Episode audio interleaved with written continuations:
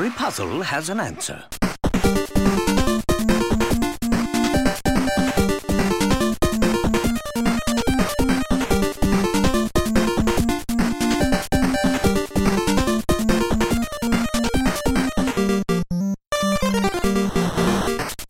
Welkom bij Buttonbashers, aflevering 35. En jongens, ik moet zeggen, je komt tegenwoordig niet meer om ons heen. Want tegenwoordig, je kan geen kanaal eh, openslaan, je kan geen site openen. Of je vindt wel content van ons. Nee, dat klopt, eh Steve. Ik, eh, het enige wat volgens mij nog mist is een pagina grote advertentie in de Telegraaf. Maar ik begrijp dat die er ook aankomt. Eh, ja, die had ik besteld voor ja, de editie na Koninginnedag. Ja, Koningsdag, dus- een editie Koningsdag. na Koningsdag. Ach ja, ik vergis me er ook nog Ik ga in. deze fout, deze uitzending nog heel vaak maken, dat weet ik nu al. Ja, maar eh, nee, dat klopt inderdaad. Eh, heel langzaam veroveren we eh, allerlei kleine plekjes op internet en groeit het daar. En ik zag zelfs eh, gisteren of eergisteren was ik even ergens op een plek met een eh, totaal verse browser. En dan is het altijd even leuk om eh, button spatie bashers in te tikken. Als het, zeker als het, als, het, eh, als het Chrome is of Firefox doet het tegenwoordig ook. Want dan kun je natuurlijk gewoon zoeken in je adresbalk.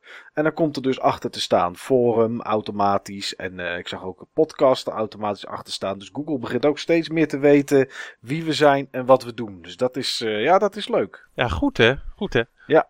Waar ik nu natuurlijk nu aan refereerde, en dat is ook mooi om de, deze uitzending mee te beginnen. En misschien hoor je deze uitzending wel eh, op dat kanaal.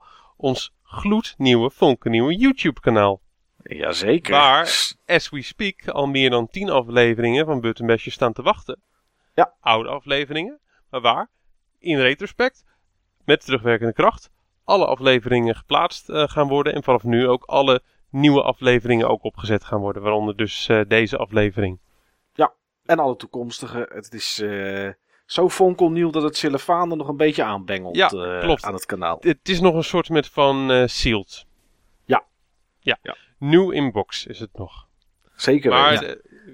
het vooral, want al die uitzendingen, ze staan er om geluisterd te worden. Ja, geluisterd te worden. Hè? Het is nog geen video. Nee, nog geen video inderdaad. Nou, Maar wat nog niet is, kan nog komen. Dit, Ja, is, ja, een- ja. dit is in ieder geval een, eh, een eerste stap in die richting. Ik eh, kan in ieder geval wel zeggen dat er hier en daar eh, dat er wel wat dingen broeien op dit moment al omtrent video. Dus er gaat wel iets komen. Dat is een van onze plannen, maar we hebben heel veel plannen. Aan plannen Oh, geen gebrek. Aan Veel te plannen veel geen gebrek. plannen. Waar ook geen gebrek aan is, is dat zijn topics voor deze podcast, voor deze uitzending. Dus eh, ik denk dat het een mooie tijd is om eh, deze eh, intro een klein beetje af te gaan ronden en de zaken te komen, mannen.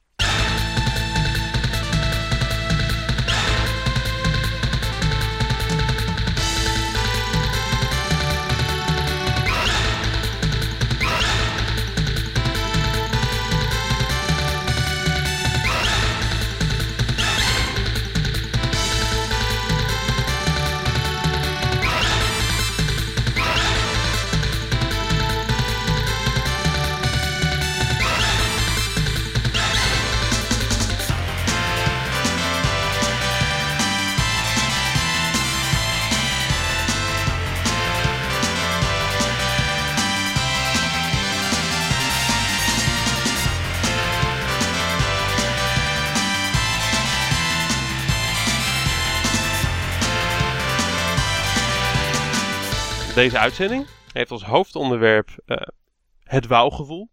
Ehm, games die je overdonderden, games die je verbluften, games die je verrasten, games die je een gevoel van wauw gaven. Daarnaast willen we nog ingaan op, eh, op Koningsdag, een belangrijke dag voor, eh, voor verzamelaars zoals wij, om ja, leuke nieuwe shizzle tegen spotprijzen te vinden. Nou, niet helemaal voor ons, hè, Steve? Nee, ik weet het niet helemaal van ons, want Niels is daar niet zo van. Nee, Niels doet dat nooit. Daar hebben we vorig jaar nog over gehad. Ja. Niels die, eh, ja, die sluit zich op, gordijnen dicht. Stopt oranje toeters in zijn oren zodat hij niks hoort. En voor de rest zit hij, eh, zit hij het liefst binnen. Maar En blijft weg uit het feestgedruis. Maar misschien lukt het ons deze keer wel om, eh om Niels zover te krijgen. Om toch eventjes Eindhoven of een andere stad in te gaan om mooie dingen te zoeken. Nou, ik vind het jammer dat ik niet eh, die aflevering van vorig jaar teruggeluisterd heb. Want misschien heb ik wel iets beloofd of iets dergelijks. Ik ga ervan uit van niet trouwens. Ik ga ervan uit van wel, meestal met dat soort dingen. Nou, volgens mij, Niels, kan ik me herinneren uit de aflevering vorig jaar. Is dat je toch ergens een keer even de straat op bent geweest om te Ja. kijken. Dat is ook zo. Ja, je hebt niets gekocht volgens mij. Ja. Maar je bent wel even wezen kijken. Ik ben in Den Bosch wezen kijken, ja. Volgens Ja. mij had je nog niet wat Nintendo 64 eh, dingen zien liggen die je toen toch niet had meegenomen.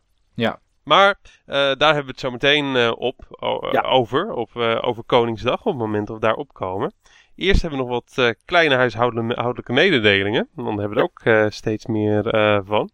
Ehm, we zitten bijna op de 100 likes op Facebook. Met zowel ons forum als podcast, die daar een gezamenlijke Facebookpagina hebben. We zitten zelfs al over de 100 likes, bedenk ik me net. En we zitten bijna op de 250 leden op het forum. Ik vind dat wel een mijlpaal hoor. Dat vind ik een hele mooie mijlpaal. En dat is eigenlijk ook wel een mijlpaal waarvan ik denk dat we daar wel iets tegenover eh, mogen zetten voor de hele community. Dus waarschijnlijk op het moment dat we, nou niet waarschijnlijk, op het moment dat we aan de 250 leden zitten, gaan we weer wat leuks verloten voor alle leden. Ja. Dus niet alleen de leden die er als laatste zijn bijgekomen, maar alle 250 leden. Exclusief eh, wij zelf als beheerders natuurlijk. Nou, maar ik heb nog wel een nep-accountje. Hè? Ja, natuurlijk, wie heeft dat niet? maar eh, daarnaast is het weer hoogseizoen qua allemaal leuke retro-evenementen. En eh, zijn we ook op verschillende van die evenementen te vinden. Eh, te beginnen op Games in Concert, 14 mei in Carré. Daar gaan zowel ik als verschillende forum, andere forumleden naartoe. Is, Dus- Heeft dat een thema, Steve? Of is het gewoon games, game muziek van alle, alle soorten games? Het, is, eh, het thema is Greatest Hits. Dus volgens mij is het een soort Hmm. met van eh, best-of voorstelling van de eerdere voorstellingen. Ik weet niet, ik ben er nog nooit geweest. Ik ken een aantal mensen eh, op het forum die eh, zeg maar al heel vaak geweest zijn. Maar eh joh, ik ga het zien. We gaan het meemaken. Ja, Dus een soort eh, greatest hits, maar dan van alle, alle edities die geweest zijn, zeg maar. ik- dat denk ik. Maar ik, ik laat, me graag, ik laat me graag eh, verrassen. Joh, eh, zat mensen om mee aan te haken. En joh, hoor je dit en vind je het leuk om wat extra forum mensen te ontmoeten? Stuur ons eventjes een berichtje en we spreken het af. Ehm, daarnaast komt er ook weer een beurs aan in, in België. Eh 1 juni, zondag 1 juni. Eh, daar de details daarvan staan op het, eh, op het forum. En dat is ook een plek waar eh, verschillende van, van ons zullen zijn. Ehm, misschien ook met wat activiteiten, maar daar gaan we nog naar kijken. En waar we sowieso ook zijn, en die wil ik ook eventjes uitlichten, omdat die ook te sprake is gekomen op het, forum. En dat vinden we een heel leuk initiatief. En daar zullen we ook met meerdere mensen van, ja, van onszelf zijn. Dat, zijn dat is het eh, Arcadium eh, Game Party evenement in Zwolle. Een, eh, een event wat een heel stuk anders is dan het soort gamebeurzen waar we vaak naartoe gaan en die iedereen wel kent. Een evenement in een soort met van club, wat ik ervan begrepen heb, waar je met name heel veel verschillende dingen kan, kan spelen. Op oude retro consoles, wat nieuwere consoles. En waar het echt om het spelen zelf draait. Het is aan het eind van de avond en het is aan het begin van de nacht. En eh, ja, zowel eh, Niels als ik eh, zijn er. En, en we denken ook dat we er toch wel wat eh, op gaan nemen. Toch Niels? Als we er toch Ja. zijn? Even een button mashers live weer eruit stampen. Daar wordt het weer eens tijd voor. Want het is, Arcadium is niet om te kopen en te verkopen, volgens mij. Hè? Nee, het is echt om te spelen. Ja, En dat is toch ja. waar het een beetje om draait. Ja, ik geloof dat er een aantal etages zijn. En, eh, en, en omdat het een, eh, omdat het een, een verenigingswezen is, mag er ook volgens mij binnen gerookt worden en een biertje gedronken. Dus eh, vandaar dat het ook in de nacht kan, heb ik, heb ik wel een keer begrepen. Er zijn ook bord- en kaartgames nieuws, dus eh, nou, je kan je hart ophalen. Mooi. Ja. En volgens mij drie etages of zo, waar ook arcadekasten staan. Volgens mij is het echt enorm veel te beleven. Dan gaan we het gezellig maken. Dat, eh, dat komt wel goed. Ik, ik weet dat Niels heel goed is in dingen gezellig maken. Zeker weten. Met een biertje op. Ja, Ja. ja. of, of een paar liter. Of een paar Ja. liter. Doe, doe eens gek. Dus, eh, maar dat waren de huishoudelijke mededelingen. Want eh, joh, dit is een podcast over games en niet over huishoudelijke dingen. maar Dus, ze zijn eh, wel nodig tegenwoordig steeds. Ja, ze zijn wel nodig. Ze, ze zijn wel, eh, wel nodig. Maar wat ook nodig is, is de Game Talk.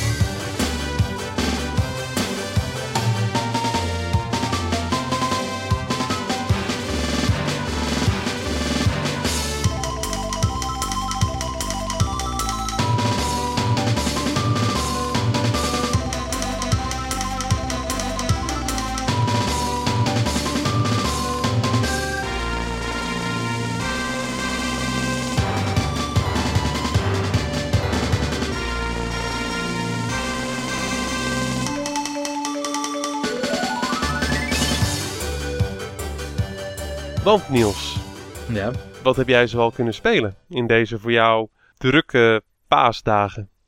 De, paas, de zoveel, paasdagen denk ik niet zoveel, maar misschien ervoor nog wat. Ja, nou eigenlijk toch niet zoveel, Steve. Maar eh, ik heb wel twee dingetjes waar ik het over wil hebben. Eén ding heeft eh, Mike het al eens eerder over gehad. Dat is eh Ace Attorney Dual Destinies. Oh, dat kan ik me herinneren inderdaad, Ja. ja. Mike was mild over de game. Mild enthousiast. Klopt. En ik begrijp het. Als eh, groot Ace Attorney fan die ik ben, ehm, vind ik dit tot nu toe niet een van de sterkere delen. Tot nu toe is de eerste en de tweede case. Oké, nou dan heb ik weer. Ik speel een keer een Ace Attorney game. En ik heb volgens Niels Ja. de Kedder precies een van de mindere uit de hele reeks te pakken. Tja, het kan zijn dat, eh, dat een van de latere cases eh, mijn mening weer drastisch verandert. Maar ik herken me wel in jouw kritiek, Mike. Dat de game heel veel voor je voorkoudt. Ja, En, en dat eigenlijk de oplossingen niet zo heel moeilijk zijn. nee, dat Je eerste ingeving is vaak ook de juiste. Tenzij je informatie mist. Wat, eh, waar de game-serie natuurlijk altijd mee speelt. Nee, dat klopt. Dat vond, dat vond ik ook. En eh, ja, de, heel veel is.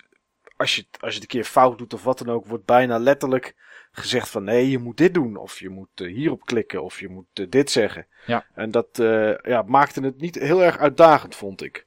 Nee, en de nieuwe mechanic van deze game. een soort psychoanalyse die je kan uitvoeren op ondervraagden. Vind ik ook niet bijster interessant of zo. Nee, ik vond er niks aan. Ik Nee, vond het, ik vond het gewoon saai. Maar, ook daar weer vertelt de game exact wat je moet doen en wanneer. Ja. Goed, dat zal in de latere cases misschien wel veranderen.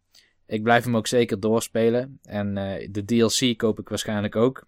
Ik bedoel, ik blijf een Ace Attorney fan. Er is vandaag een nieuwe Ace Attorney game aangekondigd. En er is natuurlijk nog de Professor Layton versus Ace Attorney game. Ja. Die van level 5. Ik ben benieuwd wat ze daarvan gaan maken. Die is al uit, hè?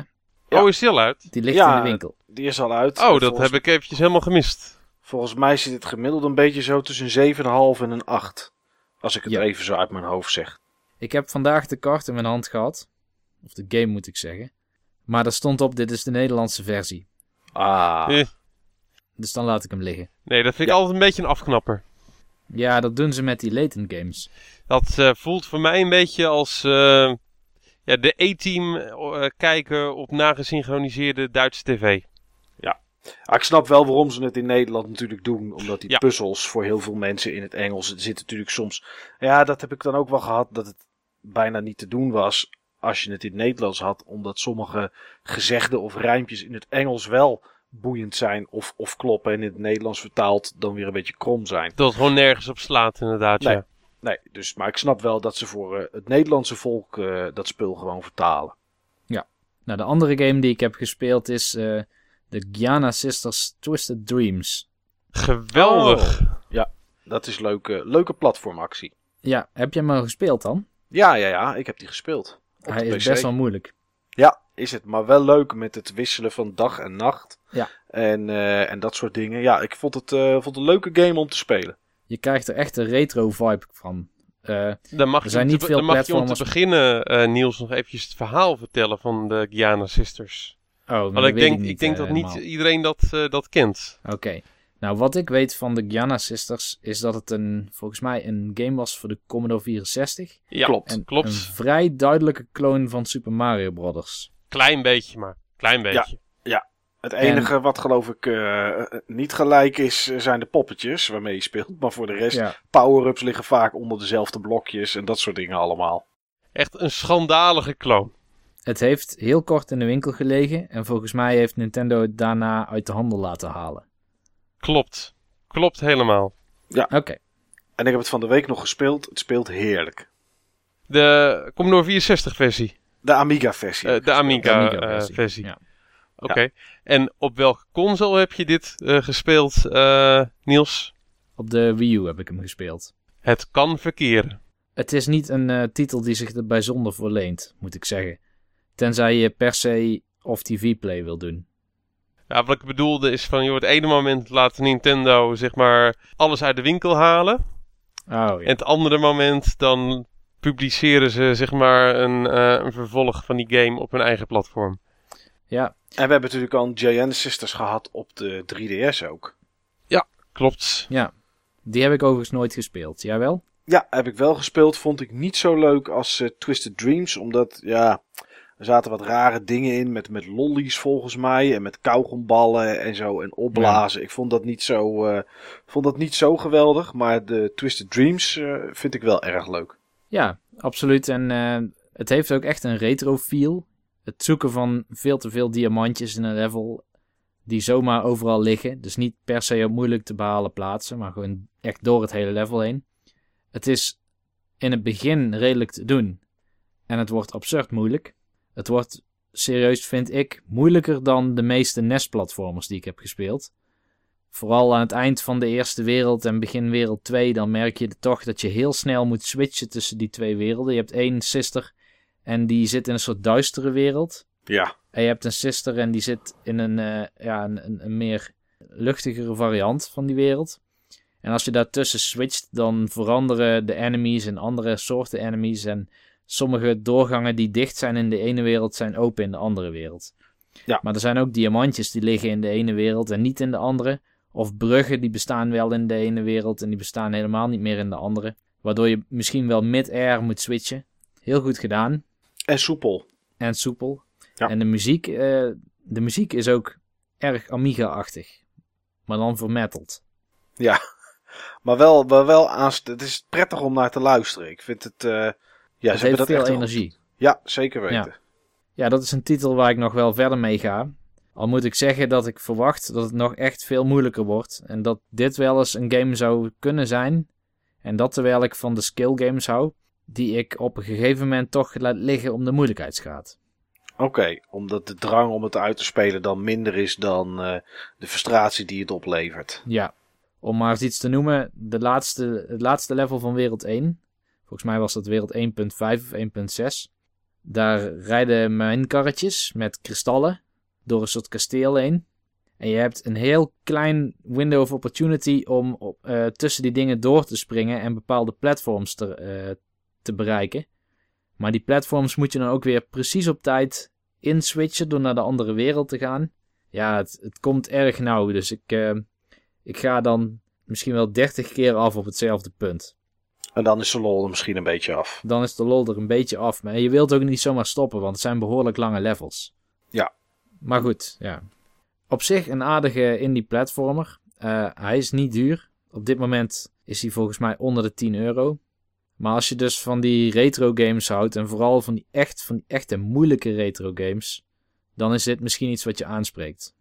Oké, Maar dat is alles wat ik hierover te vertellen had. Het klinkt in ieder geval wel als een heel cool en apart spel. Het is een heel cool en apart spel, ja.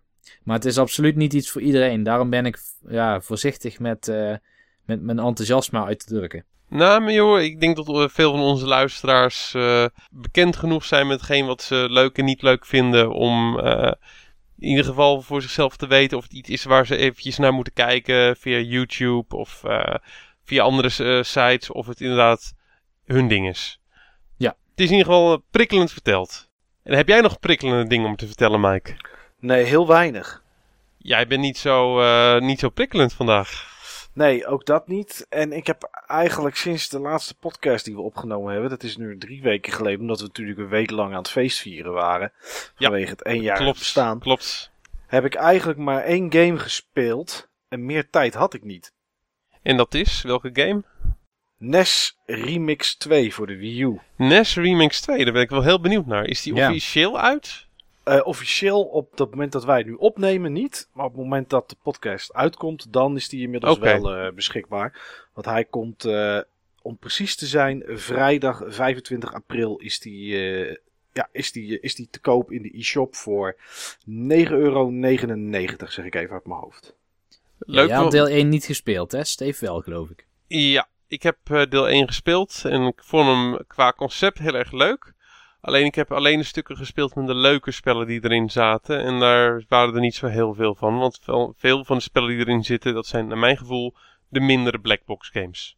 Maar deel 2, wat ik ervan gezien en gehoord heb, qua aanbod aan spellen waar ze stukjes van hebben gebruikt, lijkt me veel cooler.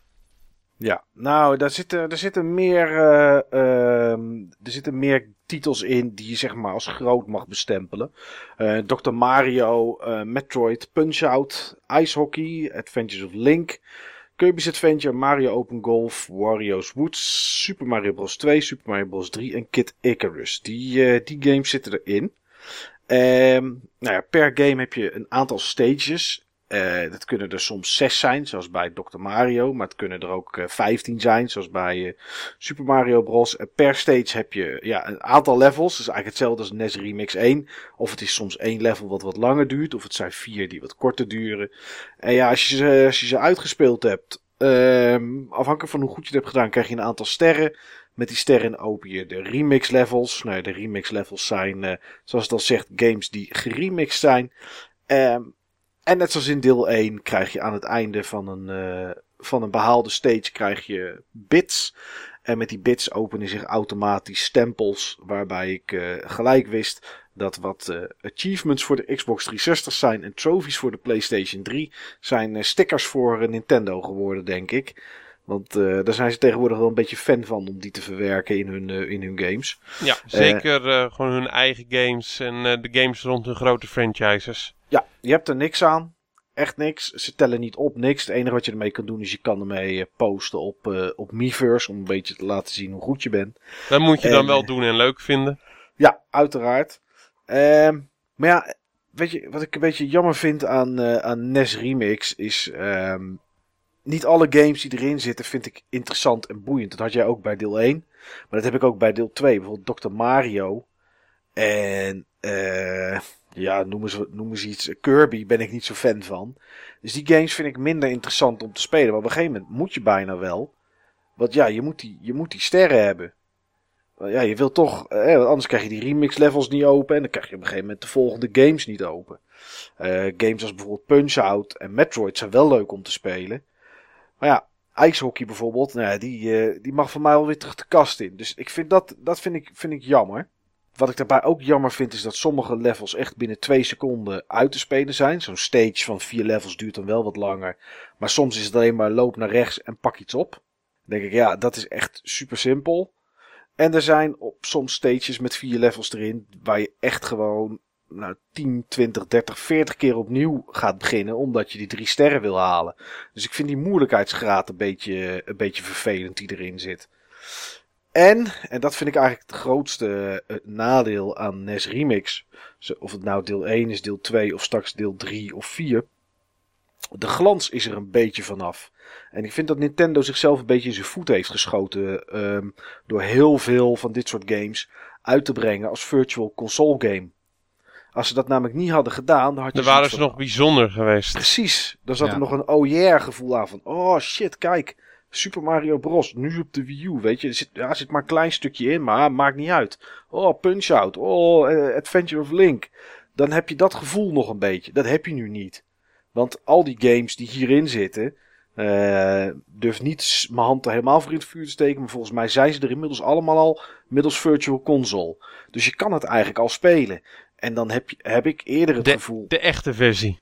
De echte versie, ja. En dan heb ik eerder het gevoel dat uh, je beter de echte versie kan spelen. Omdat je daar veel meer gameplay hebt. En je kunt kiezen welke game je het leukst vindt. Dan dat je opgeschreven wordt met vijf of zes games waar je helemaal niks aan vindt. En de games die je wel leuk vindt. Er echt maar ja, in totaal misschien een minuut of vijf aan gameplay in zit. Wel wat uitdagender hier en daar. Je, probeert jezelf toch een beetje te pushen om, uh, om alle sterren te halen. En doe je het nog beter dan drie sterren, krijg je er ook nog een regenboogsausje overheen gespoten. Maar voor de rest, ja, weet je, het, uh, het, het vind, ik vind het jammer. Ik vind het jammer dat ze niet. Ja, ik, ik, ik, ga wel met je mee, uh, Mike. Ik ga wel met je mee. Je kan het niet spelen op je eigen manier. Je kan nee. het, uh, je kan het niet spelen in je eigen tempo. Het is allemaal heel erg voorbepaald. En dat is juist eigenlijk de manier hoe ze er, hoe ze er een ander spel van hebben gemaakt. Om die bekende stukjes te pakken. En uh, de moeilijkheid uh, heel erg op te pompen. Of een hele specifieke challenge eraan uh, aan te koppelen. Maar de charme van die spellen was juist dat je het gewoon kon spelen zoals jij het wou. En dat hebben ze eigenlijk juist gewoon bewust uitgehaald. Ja, klopt. En dan ook nog eens. Hè, er, zitten, er zitten 11 games in en er zit nog een twaalfde game in. Super Luigi Brothers. zit erin. Dat is eigenlijk gewoon Super Mario Bros. van de, van de NES. Maar dan met Luigi. En in plaats van dat je van eh, links naar rechts loopt, loop je nu van rechts naar links. Nou, dat is dan wel grappig. Maar je gaat je te snel irriteren daaraan. Dus dan, dan nok je er heel snel mee. Dus ja, het idee is leuk, NES Remix. En ik had het, uh, ik had het enorm om, omarmd als, als niet al die NES games er nu al waren geweest op de, op de Wii U. Maar nu, ja, beetje, het is een beetje middelmatig. Dus uh, ja, dat is een beetje zonde. Want als je dan in drie weken bijna niks kan spelen. En dit is de enige wat je hebt gespeeld. Ja. Dan, uh, ja. Dan is, dat niet zo, is dat niet zo heel veel. Maar ja, goed. Dat, dat is een beetje een downer. Ja, maar er komen vast betere tijden aan. Uh, dat, uh, dat moet haast wel. Absoluut. En, en, misschien heb jij die wel gehad, Steve, de afgelopen weken, die betere tijden. Oh jongens, praat me niet over die betere tijden. Nou, kom maar op dan. Er, er waren in ieder geval tijden genoeg. Ik heb uh, zelden zoveel gespeeld als in, in deze periode. Dus, en ook niet op de momenten die voor mij gebruikelijk zijn. Oh, ik hoor nachtwerk. Ja, jongens, echt. Ik ga helemaal gewoon kapot. ik ga gewoon echt helemaal kapot. En ik heb ook maar één spel zitten spelen, zo'n beetje. Nou, dan kan ik het wel raden, Steve. Maar ik laat toch de eer aan jezelf. Ja, Diablo 3. Ja. Dat zie het, uh, ja, maar ik zie het ook regelmatig. Hè? Want ik, op Battle.net heb je natuurlijk tegenwoordig zo'n launcher waar alle, alle Blizzard games in zitten. En dan speel ik af en toe speel ik nog wel eens even een potje Hearthstone. En dan kijk ik en dan zie ik uh, zie ik dat Steve online is. En dan zit hij weer in Hardcore Act 2 of weet ik wat allemaal. Dan denk ik, oh wauw, Steve is aan het swingen en hangt tussen de slingers en dan weet ik veel wat. Maar moet ik even een keertje goed knipperen, denk ik, oké, Hardcore Act 2 wil niet zeggen dat hij in een film aan het acteren is. dat hij gewoon wederom Diablo 3 zit te spelen. Dat klopt, ja. In dit geval wel. In dit geval wel. Ja. Dus uh, nee, die game heeft gewoon echt alles waarbij ik gevoelig ben uh, om verslaafd aan uh, te raken. Nou, te zijn het, het, is gewoon echt heel erg makkelijk om te spelen met mensen die je kent. En met, uh, om nieuwe mensen te ontmoeten die je vervolgens daarna weer kent. Uh, we hebben met Buttonbashers ook onze eigen clan. Wat ons betreft de eerste van vele clans. En dat is ook nog direct een hele actieve clan. En uh, ja, er is altijd wel iemand online om nog eventjes mee te spelen. En meestal komen die mensen opeens online binnenzetten op een moment dat ik anders zou willen stoppen. Daarnaast... ben je niet sterk genoeg om toch te stoppen, Steve. In, in dit geval niet. Ik, uh, ik vind niet, ook, laat ik het zo zeggen. Uh, ik vind dat ik een redelijk sterk karakter heb. Maar in sommige dingen, in sommige dingen ben ik gewoon notoir zwak. En dit is een van die dingen. Oké. Okay. Um, een andere reden, wat gewoon echt een drive is voor mij om, um, ja, om te blijven spelen en spelen en spelen. Dat is echt gewoon die loot. Dat is echt gewoon die spulletjes. En ik begrijp gewoon niet hoe ze die eerste Diablo hebben, die eerste versie van Diablo 3 hebben kunnen lanceren uh, in de versie die zoals het eerst was, niet zoals het nu is met Reaper of Souls, waarbij je echt zulke gave spullen uh, hebt. Uh, joh, elke keer als ik zeg maar een uur of een uur en een kwartier heb zitten spelen, dan heb ik zoiets van, joh, ja, maar nu moet ik gewoon even doorspelen. Nu moet ik gewoon even een kwartier doorspelen. Als ik nu nog een kwartier doorspeel, dan krijg ik die gave Legendary die ik nu al een uur niet heb gehad. Dus een beetje hetzelfde redenatie die mensen in het casino ook maken. Ja, nu moet ik gewoon meer geld in die automaat gooien. Want ja, joh, de, de komende, de, laatste 100 euro die ik erin gegooid heb, toen had ik geen jackpot. Ja, die jackpot die is gewoon echt een paar euro weg. Ja, nou, sowieso herken ik wel een trend. Jij ook, Niels? Weet je waar ik heel erg aan moet denken als ik Steven hoor praten over het verzamelen van gave spulletjes? Nee. Uh, ja. Animal Crossing. Ja. Daar had Steve precies hetzelfde mee. Hij moest al, die, al die Nintendo-items moest hij hebben. En, uh, en, en, en, en hij moest zijn huis groter. En er moest een nieuwe bank in, nieuwe vloerbedekking. Klopt, ja. En dat is nu precies hetzelfde. Alleen ja, zijn de Nintendo-items, de bank en de vloerbedekking, zijn vervangen door een, een, een mees met uh, plus 50 strength en uh, eh, 40 vitality. Ah, dat doe ik er niet voor hoor. Oh, oké. een vlammend zwaard met een, uh, met een vuurdemon aan een vlammende ketting. Ja. Dat was mijn laatste nieuwe aanwinst. En die kreeg ik vannacht, ja vannacht, om, om kwart over twee s'nachts. Uh, dat ik eventjes nog om kwart over twaalf één kwartiertje ging spelen voor één checkpoint. En vervolgens zit je dan gewoon weer bijna twee uur te spelen. En toen was het kwart over twee s'nachts. En toen had ik zeg maar dat gave zwaard. En toen moest ik me natuurlijk nog wel eventjes ook gaan testen. tuurlijk. En toen was het kwart voor drie. En toen kreeg je honger en toen nam je een tosti. en toen was het drie uur. Ja, dan kon je maar net zo goed niet naar bed. Ja, inderdaad. Nou, ik, uiteindelijk gingen we om drie uur naar bed. Maar dat ik honger had, dat kan ook wel kloppen. Want volgens mij was ik ook vergeten te eten. Oh, oh, toch niet omdat je Diablo zat te spelen, hè? Ja. Oh, Steve. Ja, echt, ja. Ik heb er, ja, dit is echt zo'n game waarvan ik zeg maar, toen ik nog thuis woonde vroeger, dat mijn moeder het niet zo heel erg leuk vond dat ik zeg maar zo'n spel speelde. Nee, omdat je continu op je kamer zat en niet even gezellig een bakje chips kwam eten in de kamer. Zo'n soort spel, inderdaad, ja. En dat is een hele tijd geleden dat ik dat met een spel heb gehad. Maar het is echt gewoon die combinatie van factoren. Ik, uh, ik, ik had het er nog uh, over, zeg maar, met, uh, met iemand die me al ja, langer kent. En waarvan ik ook weet dat hij ook, zeg maar, dit soms met, met spellen heeft. En um, ja, zoals ik het zei, Diablo is een soort van Koninginnedag. En daarbij is het gewoon elke dag vrijmarkt. ja. Zo, zo, voelt het gewoon een beetje voor mij om die game te spelen. En joh, jullie kennen me, ik ben verzamelaar. Ik heb een kamer vol.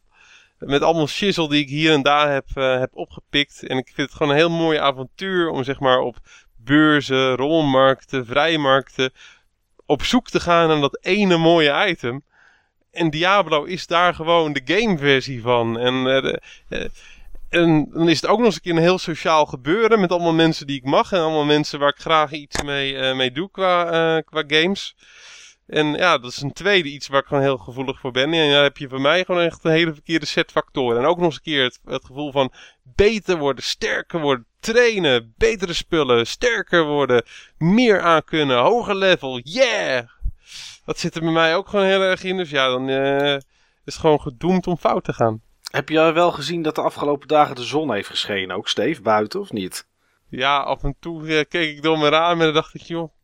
Irritant. Snel de lamellen naar beneden. uh, ja, zo kan ik niet goed zien uh, welke spulletjes er op de grond liggen. Ja, ja Steve, het, het, je bent gewoon verslaafd. We hoeven het, niet te ja, zeggen, het gaat die gewoon, kant op. Ik ben gewoon verslaafd. Dus uh, het zou een mooi topic zijn voor zeg maar een, uh, een komende podcast. De game zou je echt verslaafd aan was. Maar uh, ik, ik weet nu gewoon hoe het voelt, zeg maar, om als alcoholist de EE binnen te lopen en zeggen van ja, ik ben Steve en ik ben alcoholist. In dit geval ben ik geen alcoholist, maar ben ik gewoon Diablo verslaafde. Ja. Dus dit is mijn bekentenis aan de EE-community van deze podcast. En uh, ja, voorlopig zit ik nog aan de goede kant hopelijk. Maar. Nou, als je zaterdag niet naar, Konings, uh, naar Koningsdag zou gaan, Steve, dan, dan kom ik je van je stoel wegtrekken. Nou, daar hoef je niet bang voor te zijn. ik, ben, uh, ik ben veel te benieuwd wat ik allemaal ga vinden. En uh, ja, daarnaast, maar daar komen we zo meteen op het moment dat we het over Koningsdag gaan, gaan hebben. We hebben tenslotte ook onze Buttonbashers Koningsdag competitie de Koningsdag Koning van 2014. En daar wil ik toch echt wel aanspraak op hopen te maken. Oké, okay, nou goed. Het is uh, in ieder geval weer iets competitiefs. Hè, waar, je dan, uh, waar, waar, je dan weer mee inlaat. Dus dat kan je je daar weer eventjes in verliezen. Ik kan er in ieder geval met één dag per jaar kan ik er niet verslaafd aan raken. Nee, dat is waar. Ja. Ik heb nog één ander ding gespeeld. Toch wel? Ja. rock, Paper, Scissors. Oh. Of, of beter gezegd, beter gezegd, Street Pass Battle op de Nintendo 3DS. Die, uh, heb, ik, die heb ik uitgespeeld ook. Oké. Okay. Dat is zeg maar een van die uh, vier Street Pass uh, games. Ik was die al... extra games. Ja. Die er, die er later gekomen zijn, ja. Ja. leuke game. Niet zo leuk als Street Pass Mansion. Maar ehm, ja, zeker gewoon een leuke, een leuke game om af en toe via 3DS met Street Pass de tijd mee te doden. Ik heb inmiddels een leger van 9.999.9, whatever. In ieder geval zeg maar de, de cap, de limiet. Mm -hmm. Dus uh, ik ben er wel een beetje klaar mee. Ja. Ik heb nog wat achievements die ik kan halen, maar dat is in feite niks anders dan grinden. En ik hou niet zo van grinden. Nee.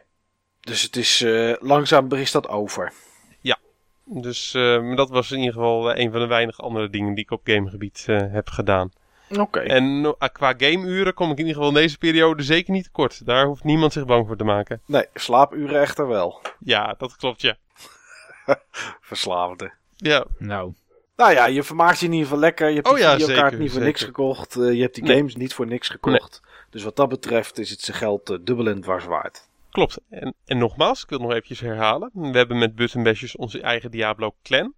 Vrij actieve clan. We gaan binnenkort gaan we ook een aantal leuke clan-activiteiten eh, doen. Waaronder een eh, hardcore run met eh visse hardcore eh, karakters. Dus karakters die in Diablo 3 echt dood kunnen. Die dan voor goed kwijt bent. Kijken hoe ver we komen dan met z'n vieren. En wie als eerste dood gaat en in welke volgorde. En dat willen we ook dan op gaan nemen. En daar willen we ook iets mee doen op ons Kakelverse YouTube kanaal. Want daar moet gewoon meer content op gaan, eh, gaan komen. En eh, we hebben nu gezien hoe leuk het is om een, eh, om een clan te hebben. En we willen dat voor meer games waarvan we denken dat ze heel populair zijn of heel populair gaan worden, gaan ontplooien. En dat zijn in ieder geval Mario Kart 8 en Super Smash Bros. Daar, ook daar komen Button Bashers clans of communities voor. Dat kunnen we bij deze alvast aankondigen. Ja, daar denk ik dat genoeg draagvlak voor komt, ja. Oh, zeker, zeker. Wil je zelf een clan oprichten onder de Button Bashers eh, vlag op het forum om voor een bepaalde game een aantal mensen bij elkaar te halen om de game verder samen helemaal grijs te gaan spelen? Ga je gang. Moedigen we erg aan. Dus een van de redenen waarom we met dit, eh, met dit forum en eh, ja, ook deze podcast zijn begonnen. Om dat soort dingen ook eh, ja, te ondersteunen. Maar hou het uiteraard wel netjes. Ga geen mensen grieven en dat soort dingen. Maar het spreekt uiteraard voor zich. Dat als er een nieuwe game komt en we maken BBNL aan als clan, dat we automatisch geband worden. Dan worden we natuurlijk niet zo vrolijk van. Maar volgens mij hebben we helemaal niemand op het forum rondhangen op dit moment. Die ook maar enigszins op die manier, op die manier te werk gaat. Maar goed, eh, mocht je het willen Nee, dan. dat eh, eh, kunnen we ons niet voorstellen. maar mocht je het willen dan. eh, veel plezier. Deze activiteiten rond het forum geven ons in ieder geval een duidelijk wauwgevoel. En dat hebben we eigenlijk ook met de games zelf vaak, toch, mannen? Ik ga daar zo meer over vertellen. Ja, Ja. ik ook. Want dat brengt ons direct op het hoofdonderwerp van deze podcast: het wauwgevoel.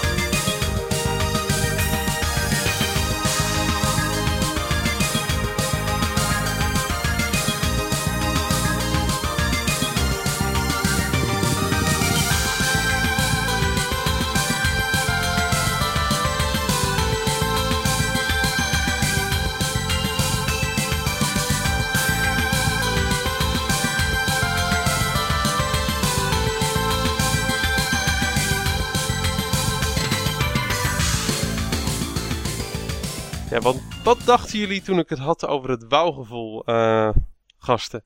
Dat het wauwgevoel een leuk, eh, een leuk onderwerp zou zijn voor een, eh, voor een podcast. Ja, zal ik je heel eerlijk zeggen, Steve. En dat doe ik altijd. Ik dacht van, ja, daar komt dan weer waarschijnlijk de zure ik naar boven. Nee joh. Ik heb namelijk niet echt games met een wauw gevoel. Geen games die je overdonderden, verbluften, verbaasden. Verbaasde wel, maar vaak op een negatieve manier. En natuurlijk zijn er wel uit games kleine momenten dat ik denk van, zo, dit is wel tof. Ja, Maar het appt altijd heel snel weer weg. Ik krijg daar ook altijd commentaar van, van Bianca. Dat ik dingen altijd zo, zelf, zo snel weer zat ben. En dan vraagt ze ook altijd gelijk, wanneer ben je mij zat? Nou ja, dat is nog steeds niet zo. Maar, eh, dus ja, we gaan het zo wel merken. Ik heb uiteraard wel iets neergezet, maar het zijn allemaal kleine stukjes maar. eh. Ja, maar het zijn ook vaak de kleine stukjes. Het zijn ook vaak korte indrukken die, eh, die overdonderen. Kijk, de games die ik, heb, eh, die ik heb staan en de momenten die ik voor mezelf genoteerd heb, dat zijn in ieder geval ook niet de games die ik genoemd heb in eerdere uitzendingen die ik helemaal geweldig eh, vind. Nee. Oké. Voor een deel wel. Eh, er zit zeker overlap in, maar eh, games die je op bepaalde punten echt helemaal overdonderde. Het hoefden niet per se eh, de beste games ooit te zijn. Of je favoriete games eh, alle tijden. Of de games die je achteraf gezien het meest bij eh, bleven. Nee, nee, klopt. Maar uiteraard heb ik wel iets, maar ik, ik moest wel een beetje graven. Ja, Steve, ik denk dat dit zo'n uitzending wordt die je bijna in je eentje gaat dragen weer. Heb jij, Want- dat, heb jij dat ook niet, Niels? Ik, ik heb dat ook niet. Ik heb eigenlijk nooit echt een wauwgevoel gehad met een computerspel. Wel met een bordspel. Heb jij wel de goede carrière gekozen, Niels? Het, het ligt er denk ik aan waar je bewondering voor hebt in spellen. De soft fun of de hard fun. En bij mij ligt dat bij de hard fun. Dus ik moet het hebben van, van de, de challenges en Ik, ik, hou, ik hou ook wel van eh, een stukje hard fun en een goede challenge hoor. Ja, maar ik vind het toch wel ook prettig- trouwens. Ik vind het toch altijd wel prettig als ik het soft fun, als ik daar dan naar binnen ga, zeg maar. Dat het daar begint. Maar als het God, keihard is, jongen, dan schuurt het. Maar goed, ga verder. Nou, als een game bij mij überhaupt iets teweeg brengt, dan is het meestal het gevoel van accomplishment. Dat je iets voor elkaar hebt gekregen. Iets wat je dacht dat misschien heel moeilijk was, of, of iets op een creatieve manier voor elkaar hebt gekregen. Eh, bijvoorbeeld als je in Trackmania de helft van een parcours overslaat omdat je een schans op een bepaalde rare manier neemt of zo. Dat kan ik me bij die game heel goed voorstellen. Vind ik trouwens ook echt een leuke game. Ja, ja. Maar ehm, eh, wat ik in ieder geval in het topic tot nu toe heb gelezen, wat andere mensen voor wauwgevoel hebben, dat zie ik dan meer onder die soft fun. Dan heb je een waardering voor een plot twist of een rare situatie die zich voordoet, of dat je een stad er heel mooi uit vindt zien of zo. En dat heb ik dan nooit. Dan heb ik hooguit een, eh, heb ik hooguit een beetje bewondering voor hoe het gemaakt is. Maar nooit krijg ik daar een kick van, van wauw. Nee. Nee, ik heb, dat, ik heb dat ook niet. Ik las bijvoorbeeld iemand, ik ga het nu niet zeggen, dat komt straks wel. Maar die had bijvoorbeeld, zag een game, ik dacht, is dit echt? En die heeft de hele avond verwonderlijk daarnaar zitten kijken. Nou, ik, ik heb wel eens gehad dat ik dacht van, zo, dit ziet er goed uit. Dat was het, punt, en doorspelen. Dat Ja. is zeg maar mijn, mijn wow-effect is, eh, is vaak secondenwerk. Oh god, wat, Ja, zeg maar. Waarschijnlijk is ons, eh, is ons kakelverse YouTube kanaal gewoon al, eh, al geband vanwege expliciete content. nog voordat het een maand oud is, mannen. Ja, ja, Secondenwerk, ja, harde fun, echt. Ja, maar ik moet wel even zeggen dat mijn harde fun of soft fun, dat dat probeer ik wel ervoor te zorgen dat het geen secondenwerk is hoor. Dat, eh, anders krijg ik klachten thuis. Ja, anders dan is eh, Bianca snel op jou uitgekeken in plaats van andersom. Ja, ik wel weer wat meer tijd over. Wat dan wel weer het aparte is, is dat ik dat dan wel af en toe met bordspellen heb, maar niet met computerspellen. Kijk, bij bordspellen heb ik wel het verschil dat je. Misschien komt het omdat je samen met anderen in dezelfde omgeving zit, Ja, maar eh, we hebben wel eens elkaar de hand geschud omdat we een briljante oplossing hebben verzonnen. Ja. Of ehm, ik heb mensen bijna een zenuwinzinking zien krijgen omdat ze zich verraden voelden door een soort mol in een spel. Kijk, dat soort impactvolle momenten, dat ken ik niet in videogames. Die ken ik echt alleen maar uit bordspellen en dat bestaat dan ook echt alleen maar in die sociale context. Maar dat duurt dan toch ook niet lang nieuws? Dat is toch ook niet een woongevoel wat je een uur lang hebt of drie uur lang? Nee, dat heb je inderdaad niet drie uur lang. Maar wat wel is, is het is een gedeeld woongevoel. Ja. En dat komt terug. Dus als je de volgende keer het spel speelt, dan, kun je, dan heb je het er vaak ook weer over. Nou, dat snap ik. Nou, ik ben benieuwd, Steven. Ik ben heel benieuwd hoe enthousiast jij kan vertellen over een van jouw wauw-gevoelens. Ik moet, ze- ik moet er één ding zeggen. Ik vond het wel weer een, eh, een, een topic waarvan ik dacht, ja, dit is een Steve topic. Ja, da- omdat er enthousiasme in zit. Ja, Ja. inderdaad. wat, Dat heb- ken, wat kennen jullie me toch goed? Ja, jongen. Het, eh, het begint heel langzaam beginnen we een soort broers te worden, zeg maar. De Gamebroers. Butter Nou, zal, Brothers. zal, ik dan maar, zal ik dan maar gewoon van wal steken? Ik heb er in ieder geval genoeg hier voor me staan op mijn lijstje. nou, ik heb, kom maar op. Ik heb ze zelfs in chronologische volgorde gezet. Van het beste wow-moment naar het minste? nee, zeg maar, ik, ik weet nog echt wat mijn eerste wauwgevoel eh was in een game. Oké, nou, daar ben ik wel benieuwd naar. Daar heb ik het in ieder geval wel over gehad. En dat is voor mij echt een moment van dat ik hier ook, eh, waarom ik met jullie hier die podcast zit te houden. Ah, Dat was, eh, wat ga ik zeggen? Wat ga ik zeggen? Ja, jij gaat natuurlijk eh, een van die arcadekasten van je noemen. Ja, klopt. Ik, dat ik denk was, eh, dat het de Terminator is. Nee, Double Dragon 2. Oké, oké. Ja. Double Dragon 2 in, in de arcade. Dat was voor mij echt gewoon. Ja, toen, toen zag ik wel hoe spellen ook konden zijn. En ik was echt gewoon zo'n stipje gewend. Wat andere stipjes neerschoot. Met eh, allemaal af en toe een keer een bliepje. En wat af en toe eh vlin, eh, glinsterde er ergens een pixel. Een beetje Atari 2600 kwaliteit graphics. En dan ben je opeens Double Dragon 2 aan het spelen. En dan, dan sta je voor je arcadekast. Dan zie je dat er daar een meisje over straat loopt. Wat wordt neergeschoten.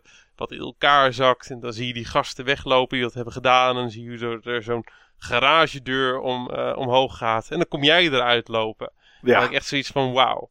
En eh, dit, dit is cool, dit is gaaf, dit is heftig. voelde je ook een soort rage against die gasten die dat meisje hadden neergeschoten? Of Ja, dat- ja, zeker, zeker. Ja. Zo, eh, zo romantisch ingesteld was ik toen al, zeg maar, op, op tienjarige leeftijd.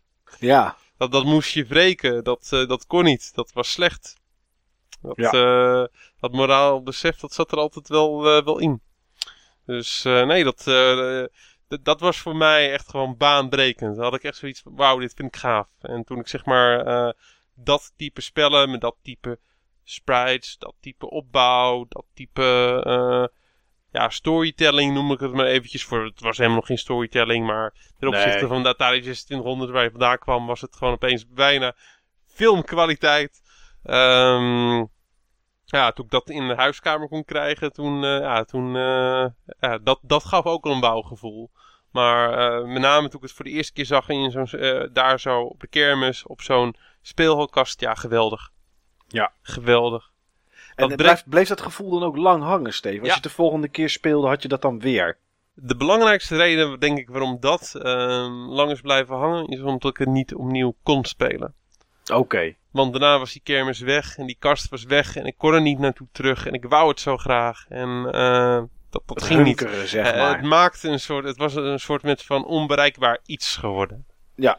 Dus ehm, En de keer erop dat je het speelde, viel dan niet tegen. En dan wordt het gevoel alleen maar versterkt natuurlijk. nee, nee, nee. Ik moet zeggen, de, ehm, de NES-versie van Double Dragon 2, dat eh, gaf me ook absoluut een wauwgevoel. Want eh, de NES-versie van Double Dragon 2 die vind ik eigenlijk nog veel beter dan de arcade-versie. Eh, heeft cutscenes, erg filmische cutscenes, hele goede muziek. Ehm heeft heel veel verschillende soorten levels, heel veel, diversiteit in, eh, in zijn levels. De controls zijn niet altijd even goed. Je moet op twee knoppen tegelijk drukken om, eh, om te springen en dat soort dingen. Dat is best wel moeizaam. Alleen, ehm, ja, dat was wel gewoon een van de eerste keren wat ik zeg maar eh, ja, op die manier een verhaal verteld zag worden in de huiskamer op een 8-bit console. Met echt cutscenes en best wel coole effecten voor die tijd. In sommige opzichten is die game gewoon nog beter dan de arcade versie. Dus dat, eh, dat is ook een versie die ook zeker is eh, bijgebleven. Want nog steeds vandaag de dag een van mijn favoriete NES games is. Nou, dat eh, klinkt wel als iets wat begrijpelijk is. Ja. Ja, zeker Ja. weten. Ja, die, joh, jullie kennen me, die, die arcade ervaring. Dat is überhaupt gewoon eh, iets wat ik altijd eh, heel erg van onder de indruk ben geweest. Alles wat daar een beetje aankleeft, eh Steve, voor, jou heeft al, al, al een, een streepje voor, zeg maar. Hè? Dat is echt, nou, je zei het al, dat is iets waar- waardoor je bent gaan gamen. Dat is echt wel iets wat een, wat een indruk gemaakt heeft op jou vroeger. Ja, en ik weet nog, ik weet nog precies, en dat kom ik direct bij mijn volgende wou-gevoel.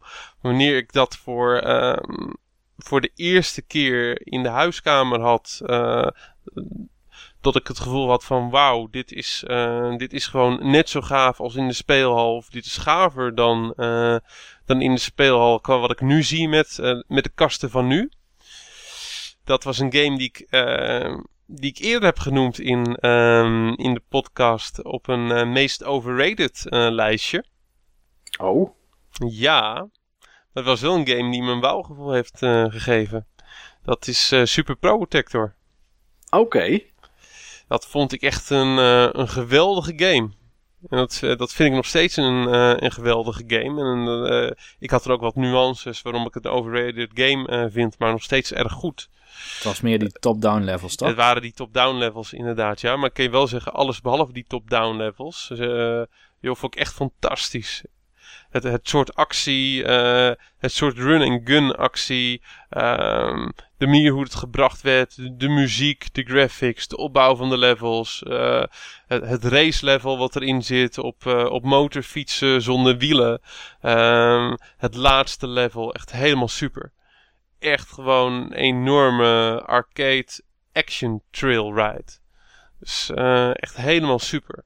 Ehm, die SNES was een apparaat waar ik überhaupt gewoon echt heel veel, eh, heel veel liefde voor, eh, voor heb. En eh, de eerste twee games die ik had, die waren ook direct echt super goed. Super Mario World en Zelda 3. Een Link to the Past. En dat zijn games die ik echt heel hoog heb zitten. Hoger dan, dan Super Pro Protector. Een stuk, Ja. een stuk hoger zelfs. Alleen qua overdondering, hoe het me verblufte. Eh, ja, staat Super Pro Protector echt een stuk boven die, eh, boven die twee. In het moment zelf had ik echt zoiets van: wauw, wat is dit? En eh, ja, dan, dat, dat zijn van die early gen games, van die games vrij vroeg in een generatie, toen je gewoon echt kan zien wat de hardware allemaal kan en wat je opeens in huis hebt. En dat had ik ook bij de volgende game die ik op de SNES had, eh, had gekocht, F-Zero. Super Pro Protector en F-Zero. Ja, dat zijn gewoon games die in ieder geval op een technisch niveau heel erg goed laten zien wat, eh, wat de SNES kon en kan. En eh, die me ook dingen lieten zien die je ook echt niet op de NES eh, had kunnen spelen. Nee, is, is, ja, daar komen we straks natuurlijk nog wel op. Maar ik ben wel benieuwd, omdat je er nu drie noemt. Die heeft natuurlijk op chronologische volgorde gezet.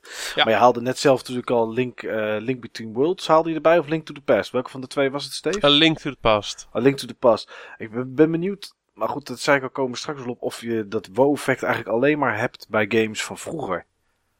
Kan je er al, al even een tipje van de sluier op lichten? Of dat iets is wat je dat bij, bij oudere games had? Of dat je dat tegenwoordig ook nog wel eens hebt? Ehm, veel en veel minder. Ja, hè? Dat dacht ik al Veel en veel minder. Toevallig noemde je er eentje die ik zelf nog niet eens eh, had, eh, had bedacht, waarbij ik het wel eh, had. A A Link Between Worlds. Oké. Ehm, daar was ik ook natuurlijk wel heel erg enthousiast over eh, vorig, eh, vorig jaar. Dat vind ik nog steeds eh, de beste Nintendo game van de laatste vijf jaar. Dus dat komt ook niet uit de lucht vallen. Nee. Dus en nu, het, nu ik erover praat, heb ik echt bewijzen, bewijzen van spreken gewoon weer zin om die hele game van A tot Z weer te gaan spelen. Want het is alweer een paar maanden geleden. Dat is echt een hele mooie game. Maar op mijn lijstje staan inderdaad allemaal oudere games. Ja. Zal ik eens iets eh, van mijn lijstje erbij? eh, Ja, dat, erbij halen? eh, anders wordt het wel heel erg eenzijdig, hè? ja, ja, ja. Ik heb ook het idee dat Steve best wel een lang lijstje heeft. Nou, dat valt ook wel weer mee. Mijn, eh, ik, ik heb al een paar toppetjes eh, genoemd, maar ik ben benieuwd naar, eh naar Mike's toppetjes. Nou ja, iets wat, en dat was wel mijn eerste, ja, ik kan het geen wauw, ja, hoe hebben we het topic genoemd? Een wauw moment of een wauw gevoel was het? Nou ja, bij mij zijn het meer Gevoel, ja. dan wauw secondes, laat ik het dan maar zo eh, noemen. Bouwmomenten. Bouwmomenten. Ja, ja. En eh, de eerste is, eh, is er eentje, die heb ik, eh, daarvoor heb ik mijn Commodore 64, want daar was dat moment op, nog een keertje uitgezet en opnieuw het cassettebandje teruggespoeld, want ik had mijn games toen nog op cassettebandje. En daarna nog een keer en toen was ik er ook wel klaar mee. Maar dat was bij Impossible Mission, de allereerste. Ik weet niet of een van jullie die ooit gespeeld heeft. Maar daar zat tijdens het laden van de game kreeg je een, een loading screen. En daar zat voor het eerst dat ik ooit speech hoorde. Dus eerst gesproken tekst uit een computerspel komende. En het waren de legendarische woorden: Another visitor. Stay a while. Stay forever. En nou ja, goed, ik zat echt zo om me heen te kijken. Zo van, hè? Komt dit uit mijn Commodore 64? En ja, dat kwam uit mijn Commodore 64. Dus ik, zoals ik net al zei, ding nog een keer uit. Bandje terugspoelen. Nog een keer opnieuw. En dat vond ik echt super gaaf dat dat kon. Eh, de game zelf vond ik ook leuk hoor. Maar dat, toen was het wow-effect alweer weg. Maar dat was wel een moment voor het eerst dat ik zeg maar gesproken tekst uit mijn, eh, uit mijn tv-speakertje hoorde komen. En dat was bij Impossible Mission op de Commodore 64. Geweldig. Ja. Ja. Dat had ik ook de eerste keer dat ik eh, sprake hoorde in een game. En bij welke game was dat? Weet je dat nog? Wise from your grave. Dat was eh Altered Beast. Oh, oké. Rise from your grave. Ja, En wat, wat echt kraakhelder op die, eh, op die eh, Mega Drive eh, cassette staat. Not. Dus Nee. eh, alleen als je het weet kun je het ervan maken. Maar inderdaad, eh, die, eh, die Griekse god die je tot leven wekt, die zegt rise from your grave. Ik, ik denk dat, eh, dat Niels het ergens ook wel in zijn archief heeft. Ja. Ja. Net, zoals dat, net zoals dat Mission Impossible, Impossible stukje. Mission. Oh. Ja. Ja. Impossible Mission. Dat Ja. is toch dezelfde game als Mission Impossible? Nee, is een Dat is hele niet- andere game. Niet dezelfde game. Altijd gedacht dat het dezelfde game was met een iets andere naam. Nee, nee, Impossible Mission ehm, was, een, was een game waarbij je door kamers heen liep. Daar waren robotjes die heen en weer gingen. Ja. En je moest daar bijvoorbeeld kasten of wat dan ook moest je doorzoeken op zoek naar puzzelstukjes. En je ging van, eh, eh, van, van veldje naar veldje door middel van een liftje. En je moest heel getimed springen, want het poppetje dat sprong op een hele vreemde manier.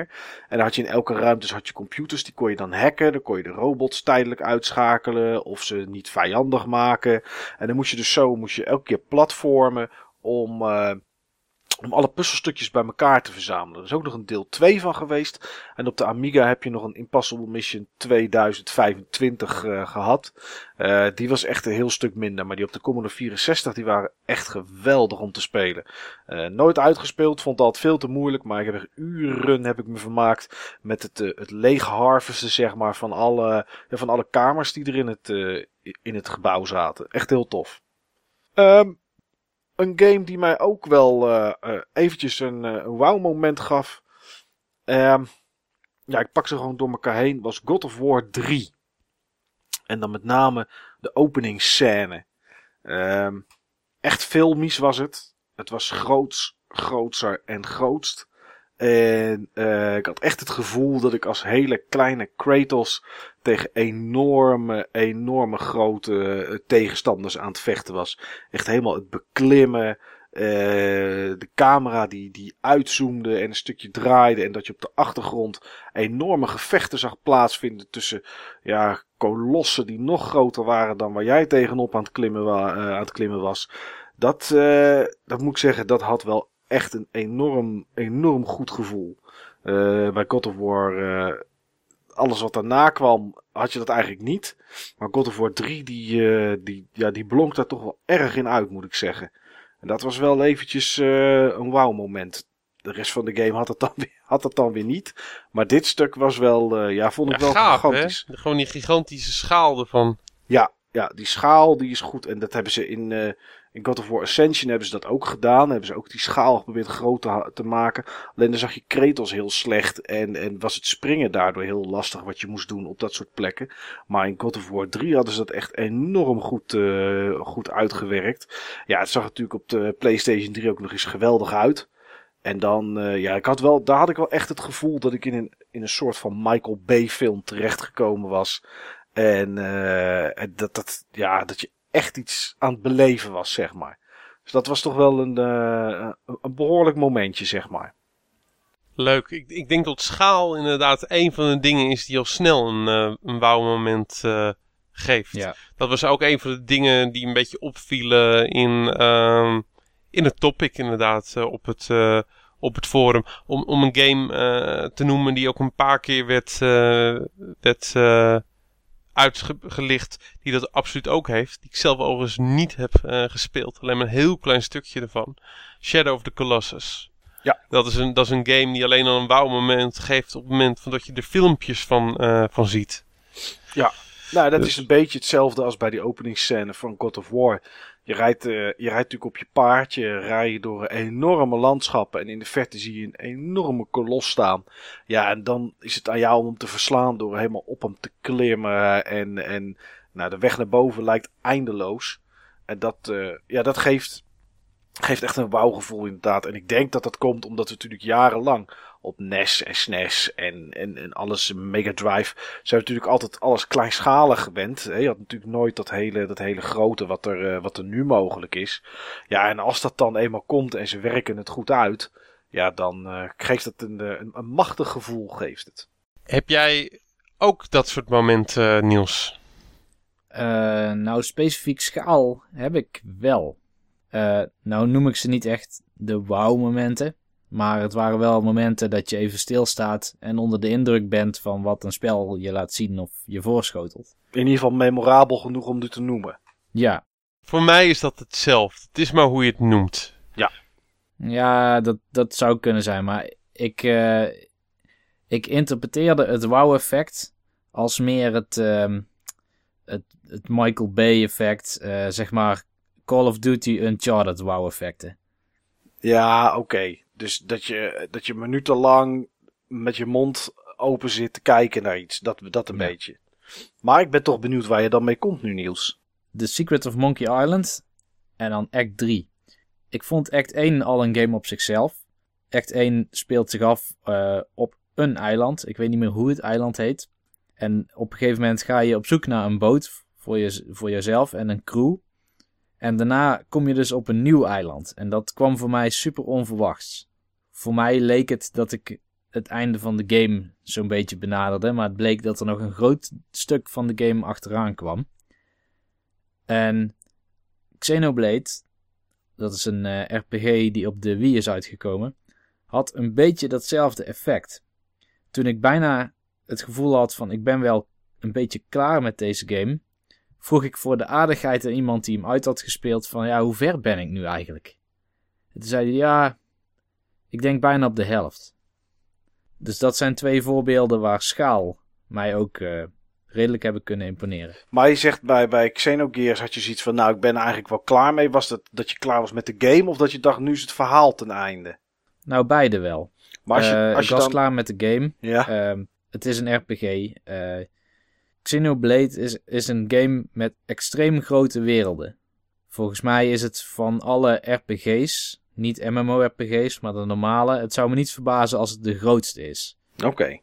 En um, je legt ontzettend grote afstanden af. En het, het vindt plaats op de rug van een reus. Ja, misschien had je het kunnen voorspellen, maar er zijn twee reuzen. Oké. Okay. Dus er is nog een grote wereld om te ontdekken. Maar goed, je zei wel dat je klaar was met de game eigenlijk. Ja. En toen bleek dus dat er nog meer te spelen was. En toch kreeg je daar wel een beetje een, een, een wauw gevoel van qua schaal. Was het dan omdat je denkt, wauw, er is nog meer? Of werd het, ja, zo, is... werd het zo gedraaid dat het toch interessant genoeg werd om het uit te spelen?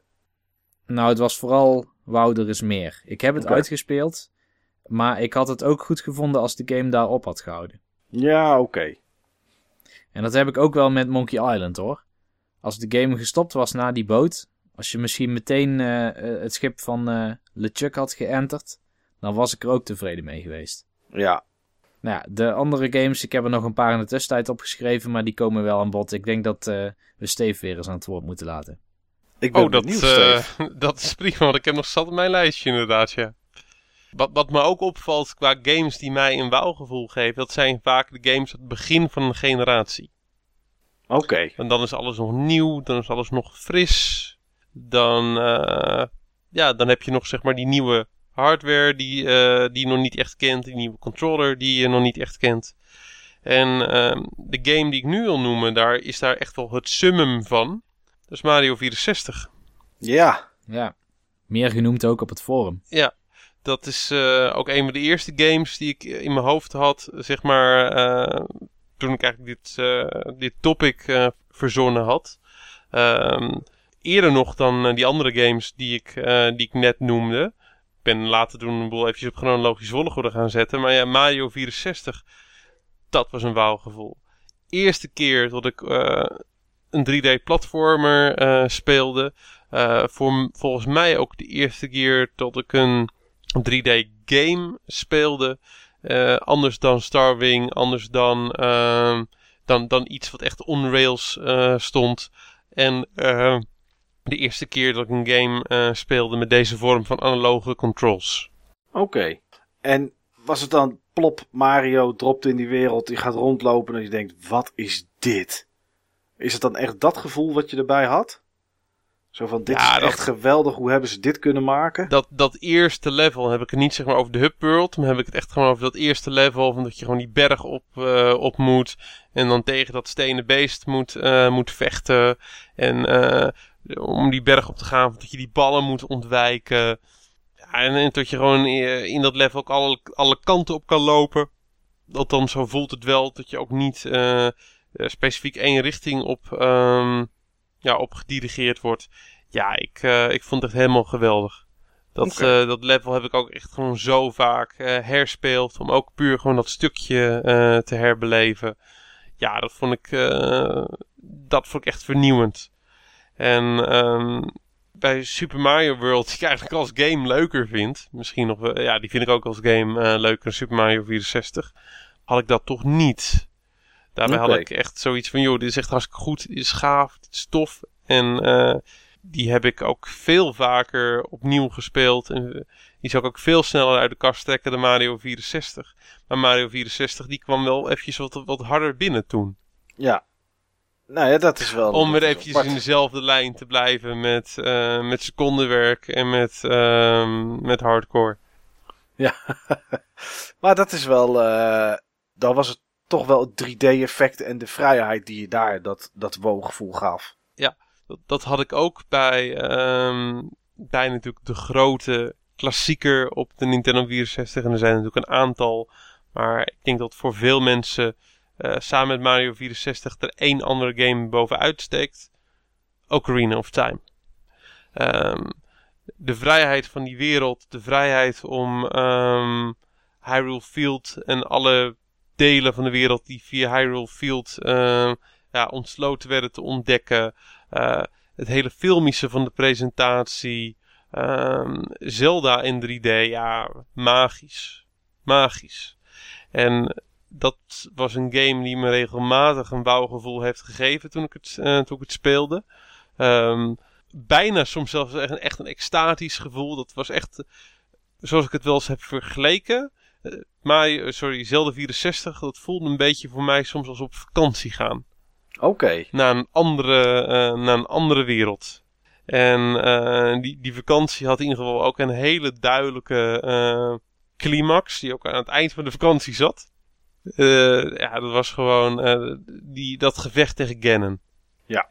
Dat gevecht tegen Ganon. En dan praat ik eventjes over het hele stuk. Dat je eerst tegen Ganondorf eh, vecht. Het bekende tennissen met de ballen. Ehm, wat ook in eh, het deel ervoor op de SNES eh, zat. Ehm, daarna het vluchten. Met, met Zelda, eh, zeg maar, vluchten door de, door de toren die, die in elkaar stort. Ja, van het kasteel van, van Ganondorf. En dan ben je daar beneden. Dan ben je veilig. Dan zit het erop. En wie staat er daar op je te wachten? Ganondorf. Die verandert in Ganon. En je vervolgens het gevecht van je leven geeft. Dus eh, ja, dat vond ik echt zo gaaf. En het is nog niet eens een heel moeilijke bossfight. Ik kan hem, eh, ik kan hem bij wijze echt dromen. Ehm, maar ja, gewoon de hele manier, hoe de sfeer die wordt neergezet. Ja, geweldig. Die Ganondorf fight, dat vind ik echt een van de coolste bossfights die Nintendo ooit in een eh, Nintendo game heeft neergezet. En is het waarschijnlijk net zo stevig met de vakantie dat als je daarna naar de foto's kijkt, je net weer zo hard geniet en weer dat wow-effect krijgt als dat je het op dat moment beleeft. Zeker, zeker weten. En ik ben eh, vaak teruggegaan. Ja, nou mooi. Ja, Niels, dat zijn wel eh, even heftigere wow-momenten dan dat wij hebben gehad eh, in ons Ja. game-leven. Ja, ik denk dat het eh, ervan afhangt van wat je precies van een game wilt tijdens het spelen. Nou, ik zou je zeggen dat ik dat nooit van tevoren bepaal eigenlijk. Hmm. En daar ook Ik- geen ik ook niet, hoor. bij heb. Nee. Ik ook niet. Ik, eh, ik wil ook helemaal niet iets van een game, behalve dat het me vermaakt. Oké. En Dat is het enige wat ik wil, dat het me vermaakt. En op het moment dat het me niet vermaakt, dan houdt het al snel op. Nee, maar ik, mer- ik merk ook wel aan jouw lijst. Het is wel een mix van dingen. Het is niet zozeer dat je het wow-effect zoekt in een soort escapisme of zo. In een, eh, in een filmbeleving of, of een, het gevoel van transportatie naar een andere wereld. Maar het zit hem soms ook echt in, in schaal of in bepaalde gameplay dingen. Dus wat dat betreft een hele gevarieerde lijst. Ja. En eh, wa- waar ik het over had, eh, van Zelda 64, wat me een andere wereld inzoog, daar, daar was ik ook niet naar op zoek of zo. Maar het, het gebeurde en dat was ook gewoon het magische. Ik denk dat veel mensen dat, dat, dat hadden. Zelda 64 gaf gewoon iets, iets anders. Voor Ja, die en- tijd. En dat zijn ook de momenten dat het wow-effect toe kan slaan natuurlijk. Als je het eigenlijk niet verwacht. Ja, en ik denk dat dat ook een van de redenen is waarom ik het vandaag de dag gewoon niet zo snel meer heb. Veel games lijken te veel op, eh, op elkaar. Dat is ook helemaal niet erg. Ehm, misschien ergens wel, maar het is gewoon logisch. We zijn ook gewoon veel verder.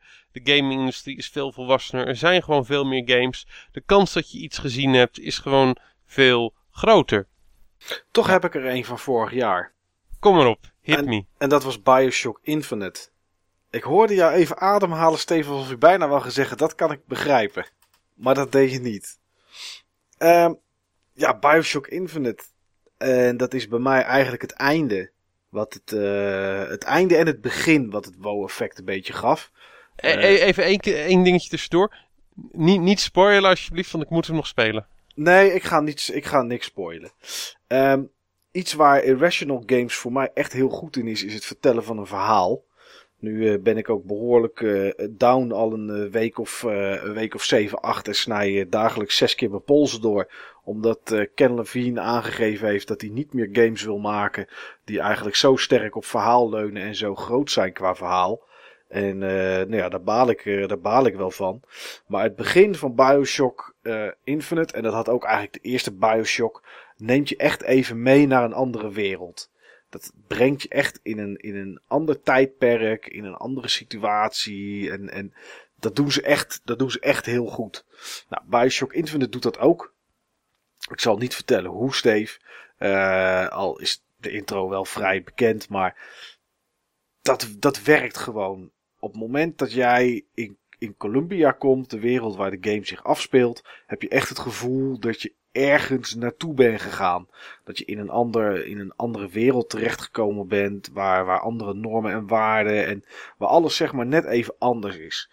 Ehm, als je daarbij opgeteld het verhaal zelf neemt, de dingen die gebeuren in de game, de plot twists en dat soort zaken, met het einde, dan heb je overal gezien eh, wel een aantal wow-momenten.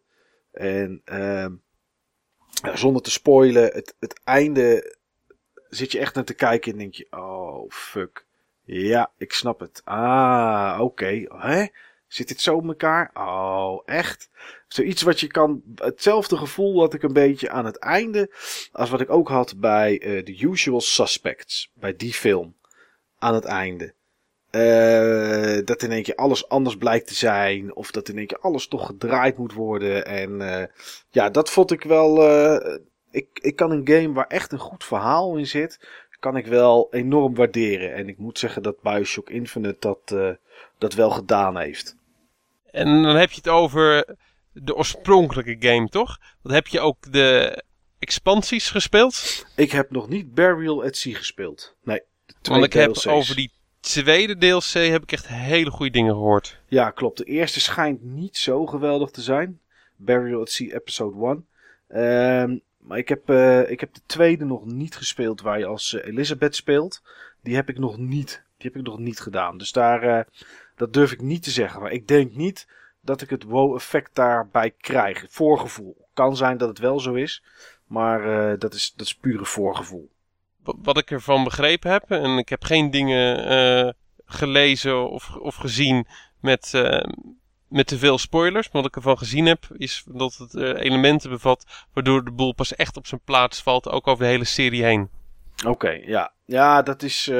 ja, ik heb het wel trailers en zo gezien en wel stukjes gelezen. En ik, ik heb wel het gevoel inderdaad dat ze dat doen. Maar ik wacht eventjes mee tot een, tot een Steam Summer Sale of zo. Logisch. Heb Ja. ik ook weer wat meer tijd en dan kan ik dat, eh, dan kan ik dat, dan kan ik dat makkelijker spelen. Ik heb wel een andere game die ik gewoon zo heel even snel wilde noemen. Omdat het eigenlijk heel raar is dat ik die game op mijn lijstje heb staan. Het is namelijk een game die ik nooit echt gespeeld heb. Misschien een minuut of tien. En toen dacht ik, dit moet ik echt een keer gaan spelen. En dat is Outcast. Ik weet niet of een van jullie twee die game kent. Is dat die oude met die voxel landscapes? Ja, Ah ja, die ken ik. Ja, Outcast. Dat, daar is eh, mijn, eh, mijn grote vriend eh, Jelle, Carl 2 op het forum, is er helemaal fan van. nou ja, goed. Daar komt de remake van. Ja, klopt. klopt. Dat had ik gelezen inderdaad. En eh, ja, het was eigenlijk hoe het er grafisch uitzag en die grote open wereld die je zo in het begin voorgeschoteld kreeg. Dat ik dacht van zo, dit is wel heel gaaf. Ehm, echter is het daar ook altijd bij gebleven en heb ik niet meer info, kan ik ook niet meer vertellen over die game dan dat. Maar het bracht wel eventjes een wauw, een wauw momentje mee. Nou, cool. Coole game. Coole Ja. game. En ik heb zo, zo waar nog drie games staan, maar daar wacht ik wel voor, eh, voor de laatste ronde mee. Oké. Heb jij nog iets te noemen, eh, Niels? Ik heb nog een paar korte referenties. Eén is eh, Serious Sam. Als je achteruit met de mitrailleur loopt te schieten terwijl er allerlei stieren op je afkomen. Ja. Dat vind ik wel echt gaaf. Dat gevoel wat het gaf. Nutteloos, brainless, kogels knallen, onbeperkt Ja, en, eh, en alles kapot. maar omdat je zo aan de kant wordt gebeukt door die dingen. Daardoor is de payoff des te groter als je net op tijd aan de kant weet te springen. Waardoor die jou voorbij rent. En dat je die in de rug dan weer af kan schieten. Zo'n boel. Dus dat is één van de dingen. Een ander ding is ehm, Monster Hunter. Een nieuw monster verslaan met vier spelers tegelijk. En op de valreep binnen de 45 minuten eh, te zien krijgen dat het monster eh, verslagen is. Blijft gewoon een goed ding. Welke Monster Hunter dan ook. Ik ben nu alweer helemaal psyched voor eh, Monster Hunter 4G. Die ook naar Europa toe komt als het goed is volgend jaar. Ja, ik zag eh, van de week nog een trailer van inderdaad, ja. Dat is op de 3DS, toch? Alleen 3DS. So far. Ja. Ja, ik heb er nog één. Die moet ik nog delen. Want die vat een paar dingen samen die jullie eerder hebben genoemd. Oh, daar ben ik wel benieuwd. Dat moet dus het summen van een, eh, van een wow-moment zijn. Ja, er is denk ik maar één forumlid die dan weet wat ik bedoel. Maar dat is Wonderful 101. Ah, Dat is een game die combineert schaal met wow-actie. Maar ook met een aantal momenten die je gewoon niet aan ziet komen. Ik heb al een keer min of meer gespoild in de podcast. Dat Wonderful 101 redelijk wat referenties kent. Naar bestaande Nintendo games. Tenminste, volgens mij heb ik dat wel eens verteld. ja, volgens mij ook. Ja. En dan hebben we het- dat is nog steeds een grote verrassing voor me, want ik heb nog steeds niet die game in mijn Wii U gehad. Wellicht komt dat ooit. Ehm, ik weet dat eh, Killing Raptor de eerste keer dat hij hem speelde, vond hij het niet echt leuk. Jullie hebben de demo gespeeld. Ja. Waren daar ook niet erg van gecharmeerd. Raptor is toch opnieuw begonnen. En eh, is daarna de game heel erg gaan waarderen. En op een gegeven moment postte hij ook iets in de richting van holy shit op het forum. En eh, op Miiverse kwam ik hetzelfde van hem tegen. Er zit een eindbaas in de vijfde wereld ja, dat is zo'n ode, zeg maar, aan een stuk Nintendo-historie. Dat je denkt dat het daar één grote club fanboys moet zijn bij eh, Platinum Games. En dan is het, is het de herkenning die zeg maar echt, eh, wow, wat gaaf dat ik dit herken. Of, Nou, de erkenning, het ligt er best wel dik op. Kijk, er, zit, er zitten referenties in naar Mario en naar Zelda bijvoorbeeld. Maar dit is een andere game, een iets minder bekende Nintendo game. Wel eentje die eigenlijk iedereen wel kent, gok ik. Ehm, maar waar de Mario en Zelda soms een beetje flauw verwerkt zijn. Dat je bijvoorbeeld een vuurbal kan gooien. Of dat je een omgeving eh, min of meer herkent. Of low rule wordt ook genoemd bijvoorbeeld in het, in het spel. Niet dezelfde low rule als de low rule van eh, A Link Between Worlds. Maar die, dat eindbaasgevecht, dat is, dat is qua gameplay ook nog eens echt een NES-klassieker. oké. En extreem goed gedaan. En wel met de schaal en eh, de bravure, zeg maar, waar ehm The Wonderful 101 om bekend staat. Dus dat is een titel waarvan ik denk dat veel mensen dan op dat moment zouden denken van... Wauw, Oké. totaal onverwacht en eh, bijna overweldigend. Nou, dat is, eh, dan moet jij toch maar snel eens aan die game gaan beginnen, Steve. Want dan kan Niels mij dit vertellen. Ja, ik, eh, ik ga het eens doen. Maar ik heb nog zoveel liggen, maar hij komt ergens op de stapel. Ooit. Onder, onder Diablo 3. Voorlopig wel, ja. ja, dat moet haast wel. Je zal zien, Steve eindigt eh, deze aflevering met een referentie weer naar Diablo 3. Mijn grootste wow-effect ooit was Diablo 3. Nee, nee, nee. Nee, nee, nee. Daar kennen, Oké. jullie, daar kennen jullie me ook te goed voor. Steve, eh, neem een stokje maar weer van me over. Het is goed. Ik, ehm, ik, ik zou mijn lijstje echt eh, nog wel eh, vrij lang eh, kunnen doorgaan. maar er is één ding, dat wil ik dan specifiek uitlichten. Ehm, toen besefte ik eigenlijk waarom ik, ik zoveel liefde heb voor, voor die console. Zo'n console waar ik het vaak over heb gehad. Zowel de console zelf als, als mijn voorliefde voor het, voor het ding. Het zal niet de SNES zijn, want ja, daar hebben we het al over gehad. Dus dan blijft eigenlijk maar, uh, maar één console over die het kan zijn. Dat is de Dreamcast. Ja. Want eigenlijk, en dat besefte ik me nu pas, eigenlijk was de Dreamcast voor mij niks anders dan een aaneenschakeling van, uh, van wauw-momenten. Daar kan ik me wel niet vinden, Steve. Ik heb er eigenlijk helemaal niet op die manier over nagedacht, maar... Omdat, uh, omdat het ding zijn tijd zo, uh, zo vooruit was en veel van die games zo anders waren. Uh, het begon eigenlijk al vanaf de eerste game die ik erop eh, gezien heb. Sonic Adventure, toen ik dat zag in een, uh, in een winkel op een Japanse Dreamcast. De snelheid, hoe mooi dat 3D was in vergelijking met de Nintendo 64. En, uh, en de, de PlayStation 1. De PlayStation 1 en de 3D FX kaart die ik thuis had. Was, die was ook wel mooi, maar was anders. Um, Soul Calibur, de eerste game die ik echt zelf op speelde. En dat was ook tot midden in de nacht. Dat uh, heb, ik, heb ik ook echt van 9 uur s'avonds tot, uh, tot 2, 3 uur s'nachts Soul Calibur zitten spelen.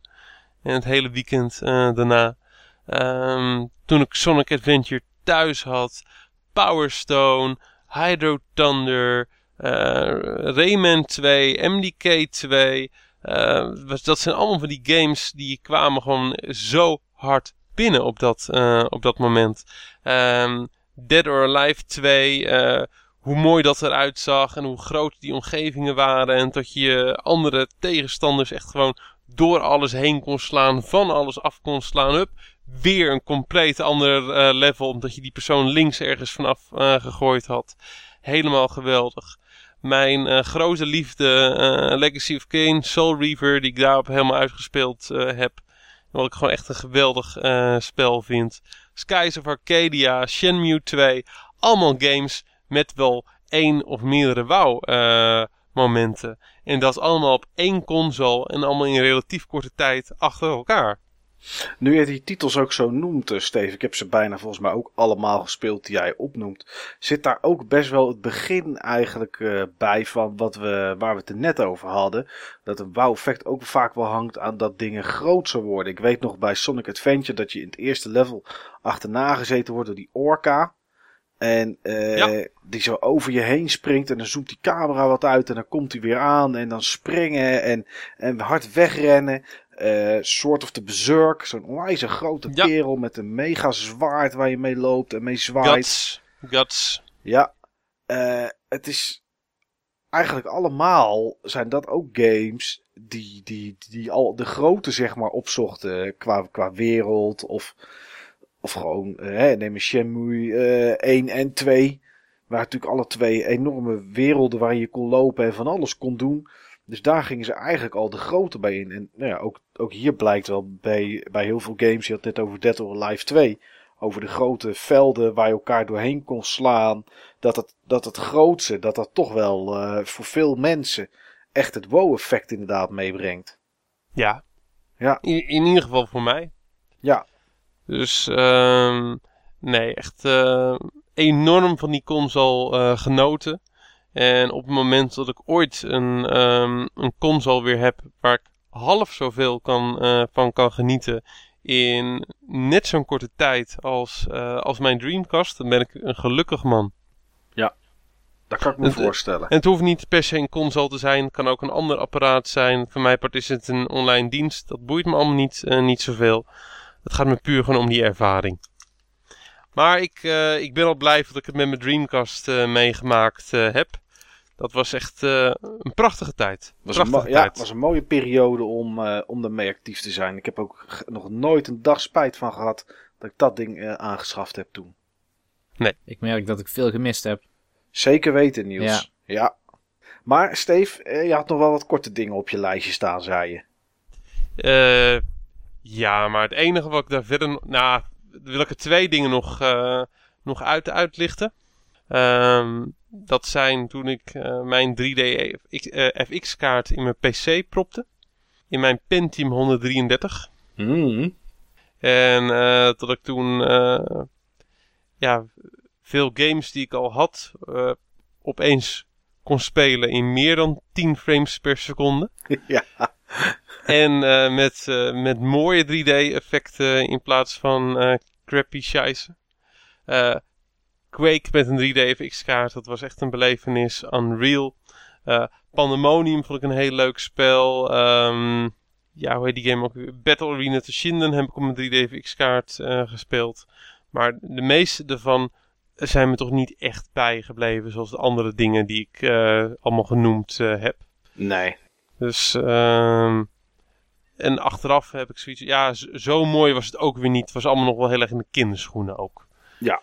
Maar goed, het bracht, het bracht op dat moment wel eventjes een wow-effect mee. Toen wel, ja, toen wel. En eh, ik moet zeggen, Kweek vond ik wel echt heel erg gaaf. Heel atmosferisch. En ehm ja, toen vond ik het gewoon een game die klopte. Ja, dat snap ik wel. De laatste game die ik zou willen uitlichten, ook een game die me ook echt een wauw eh, gevoel eh, gaf. Ehm, ook weer een game aan het begin van een eh, console generatie. Eh, een game waar een console mee is gelanceerd.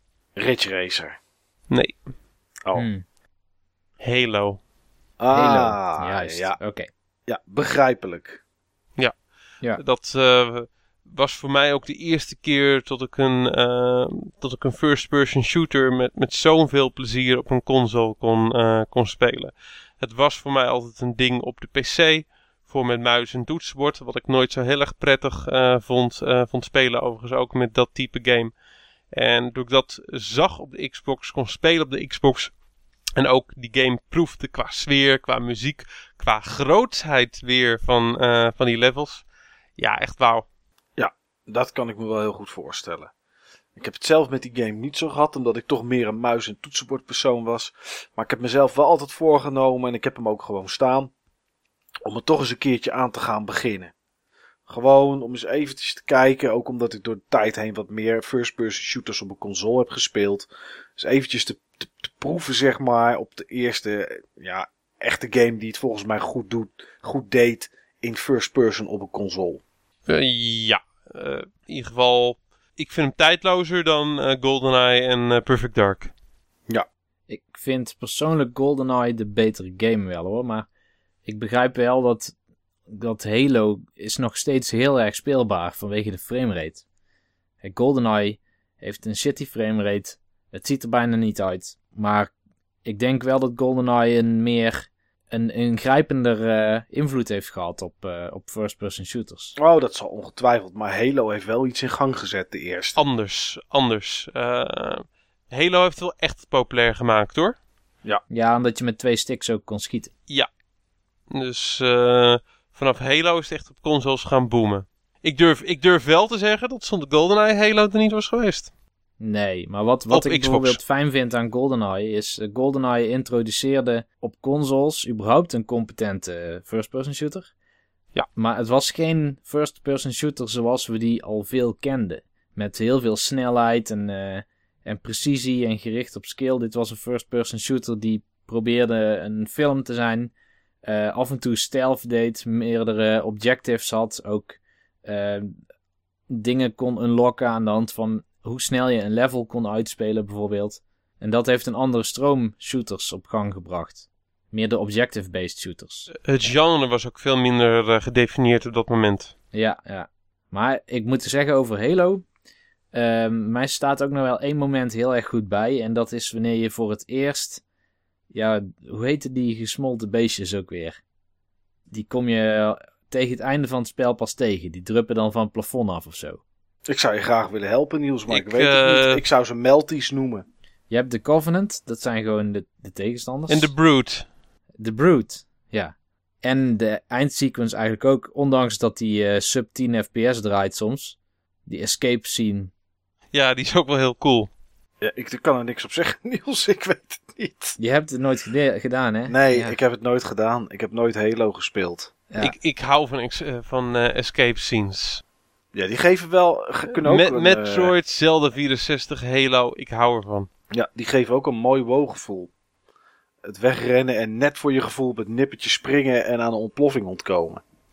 Weet je wat wel het tegenovergestelde van een wooggevoel in dat soort sequences? Is wanneer het spel jou probeert wijs te maken dat er heel veel haast bij is. Zo van, ga snel naar de helikopter, anders mis je de helikopter. En je kan gewoon probleemloos ergens twee minuten op een hoekje staan te wachten. Precies. Want het spel wacht toch wel. En dan af en toe roept een NPC van, eh, we zijn There's bijna no te laat. time! No Ja. time! Hurry up! Come on! Ja, ja, ja, ja. Dat is een, anti, dat is een anticlimax waar we niet deze, dit topic mee, eh, mee willen afsluiten. Maar gelukkig gaat eh Maaike nog met een eh, echt wauwgevoel komen. Ik heb nog drie, nog drie stuks. De eerste die ik even heel snel wil noemen is de... Meerdere, is- meerdere hoogtepunten zelfs. Ja, drie games met allemaal een hoogtepunt. Eh, de eerste game die ik wil noemen is een game die jij net zijdelings ook al een beetje noemde, Steve. En jij noemde deel 2. Maar voor mij was MDK wel eventjes een, eh, een wow gevoel. Wat Ja. jij had met jouw eh, 3D FX kaart, had ik met mijn Pentium 200 MMX. Dat was een, ja, een, een, een systeem wat Intel had bedacht om wat extra codes en extra aansturing voor games voor, ja, soort van voor te programmeren, leek het wel. Multimedia extensions. Ja, dat was hem inderdaad, ja. In de processor. En eh, ja, daardoor liepen games gewoon in één keer een stuk soepeler als het eh, MMX ondersteunde. En MDK was een van de eerste titels die dat had. En eh, ja, daardoor liep het gewoon eh, heel soepel, zag er geweldig uit. En eh, ja, was eventjes een. eh, dat was zeg maar zo'n stap die je ook van de PlayStation 1 naar de PlayStation 2 zou kunnen hebben. Dat zou ook voor veel mensen misschien een wow-momentje kunnen zijn geweest. Dat je in één keer zo'n grafische boost kreeg. Dat dat. eh, nou ja, hetzelfde wat je met de Dreamcast een beetje had, Steve. Dat had ik wel, eh, had ik wel met MMX-technologie. Maar net zoals alle andere momenten was het ook snel wel weer voorbij hoor. Maar ik, eh, ja, dat was toch wel iets wat, eh, wat indruk maakte. Ehm, welke game op dit moment, al heb ik het al een week of twee niet meer gespeeld, eh, is Batman Arkham Asylum. Echt waar, als je het nog nooit gespeeld hebt, ga het op zeker spelen. Er zitten zoveel momenten in dat je in één keer een ander soort gameplay krijgt. Of, of indrukwekkende scènes die erin zitten. Echt een geweldige game. En die heeft eh, ja, best wel redelijk wat wow-momentjes eigenlijk opgeleverd. Nu ik erover nadenk. Ik heb hem nog steeds niet uit. Maar er zitten. eh, dus ja, ik weet dat er nog scènes aan zitten te komen. Die zijn echt geweldig. En de allerlaatste game is een game eh, zoals Steve Games heeft. Die, die eh, de van de week nog. Zat ik een van onze podcasts terug te luisteren. En toen ik weet even niet meer welke game het was. Maar toen zei hij. Als ik deze game erbij kan halen in een uitzending. Dan doe ik het. Om die game zoveel mogelijk eh, te noemen. Ehm, ja, zo'n game heb ik ook. En dat is EverQuest. En eh, het woonmoment wat ik daar zeg maar bij had, was de eerste uitbreiding die, eh, die, die uitkwam voor, voor EverQuest. Net zoals bij tegenwoordig MMO's, zoals World of Warcraft doet, krijg je op een gegeven moment gewoon expansions met nieuwe stukken land, nieuwe rassen, meer level en meer levels die je kan halen, nieuwe spells, items, de hele mikmak. En de allereerste uitbreiding die voor EverQuest 1 kwam was de Ruins of Kunark. En er kwam een, een nieuw gebied kwam erbij. Je kon een nieuw ras kon mee spelen, de Ixar. En eh, volgens mij kwam ook de eerste uitbreiding van de classes erbij. De monk, zeg ik even uit mijn hoofd. En ik was toevallig, en dat is echt toevallig, als mijn oude baas luistert, echt, echt toevallig. Ik was echt, echt toevallig ziek in die week.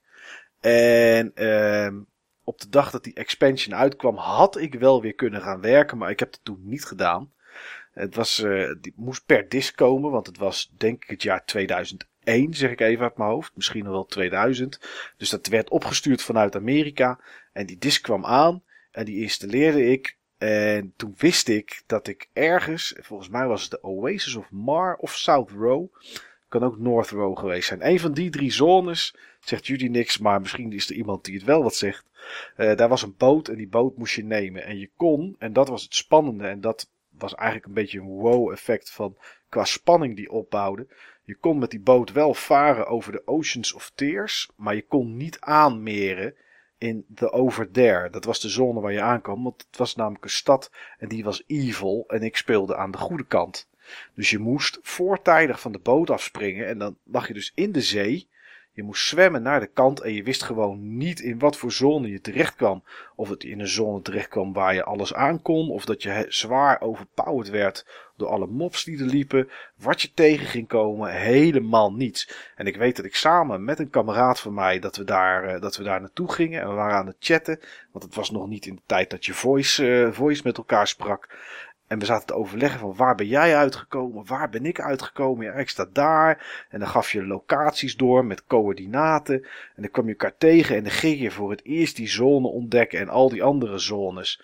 En dat gaf toch wel een enorm wow effect. Niet omdat het mooi was of, of, of, of wat dan ook, maar gewoon uh, de ervaring van, de, van het ontdekken, van het exploren. Ja, dat gaf een enorm wow effect. En... Uh, ik ben blij dat ik EverQuest daar nog eens eventjes bij uh, heb kunnen halen. Want uh, het is een game met veel goede herinneringen. Ah, cool. Leuk. Ja. Leuk. EverQuest. Wat een Nou, spel. zo heb, je de, zo heb je de stiekem toch wel aardig wat gehad. Ja, ik wilde maar net zeggen. Ja, nou, ik, het, is... Weet je, het, ik heb wel wo-momenten gehad inderdaad. En, uh, maar het is allemaal wel... Het is allemaal wel heel kort. Ik, uh, ooit is mij eens verweten dat ik niet zo heel erg enthousiast kan zijn. En zei ik, ja, kan ik wel, maar er is gewoon weinig om enthousiast over te zijn in het leven. En uh, nou ja, dat heb ik bij dit soort dingen ook. Ik uh, bedoel, dat van EverQuest heeft misschien, heeft misschien een uurtje geduurd, dat, dat gevoel. En toen was het weg.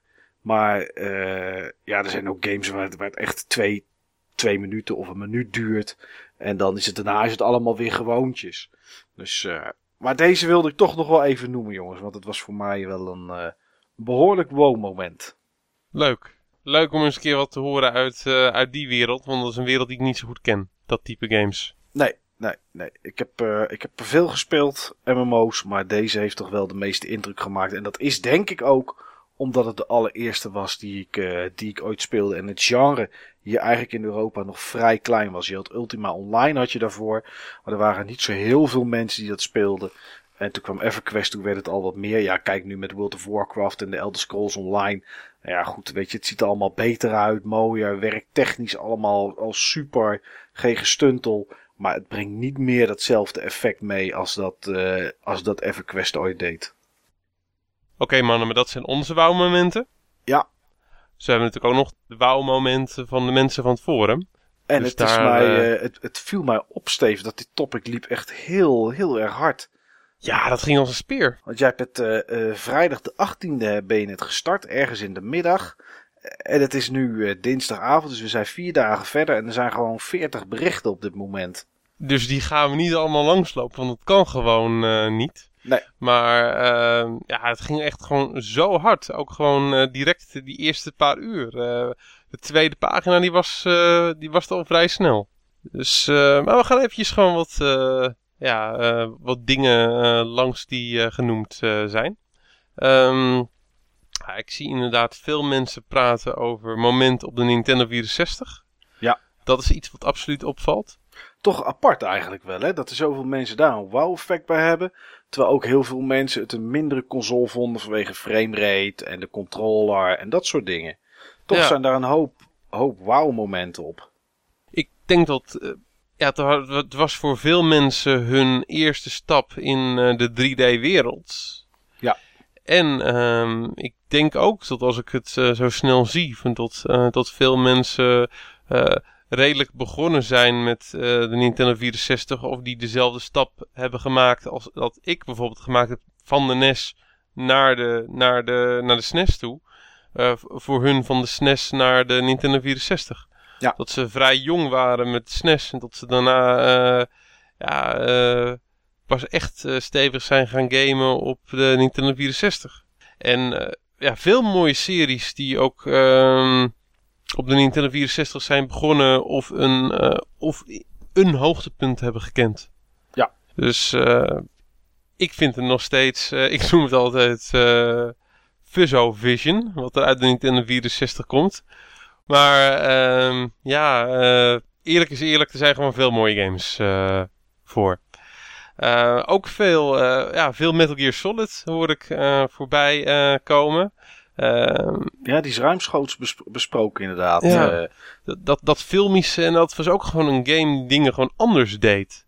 Ja. Eh, ja, ook gewoon een aantal van die boss fights die gewoon echt heel erg psychologisch, bijna psychologisch waren. Eh, die extreem lange cutscenes, dat, dat, dat stealth, eh, die stealth gameplay die eh, redelijk nieuw was voor die tijd. Ja, toch echt wel, eh, ja, toch, toch echt wel een, een game die, eh, die veel mensen is bijgebleven. Ik zie hem hier terugkomen bij, eh bij 799. Eh, ik zag het bij nog een aantal mensen terugkomen. ja, op de tweede pagina zag ik eh, over het gevecht met Mantis zag ik voor mensen voorbij komen. Ja, dat is die gast die in je hoofd gaat, toch? Ja, dat Ja. is, eh, dat is Die, nou ja, die, die zeg maar dan eh, je, je memory card uitleest. Ja, ook. En Ik inderdaad, zie dat je veel Silent Hill speelt. Bijvoorbeeld als je andere Konami games speelde. En dat is nou ja, het gevecht. En het is geen spoil meer, want dat weet iedereen. Waarbij je je controller in, eh, in de tweede poort moest doen. Omdat die, eh, omdat die, die je eerste zeg maar uitlas. En je op die manier om hem, eh, om hem heen kon. Dus dat is... ja, dat, vinden, dat zijn voor veel mensen zijn dat wow-effecten. En dat zijn eigenlijk ook dingen die je niet heel veel daarna en daarvoor meer hebt zien gebeuren. Hoe, eh, hoe kwam je daar trouwens achter dat je in je tweede poort moest doen? Ehm, je kreeg volgens mij kreeg je een, eh, een tip daarvan over je, over, je, over je radio, over je radio. Maar ik zag ook mensen die dat, eh, die dat gemist hebben. Die, die Killing Raptor was dat bijvoorbeeld. Die, die zal, heeft het volgens mij ergens opgezocht, zei hij. Toen destijds op internet of iets. Maar er is een, je krijgt een radio call krijg je en die vertelt je dat.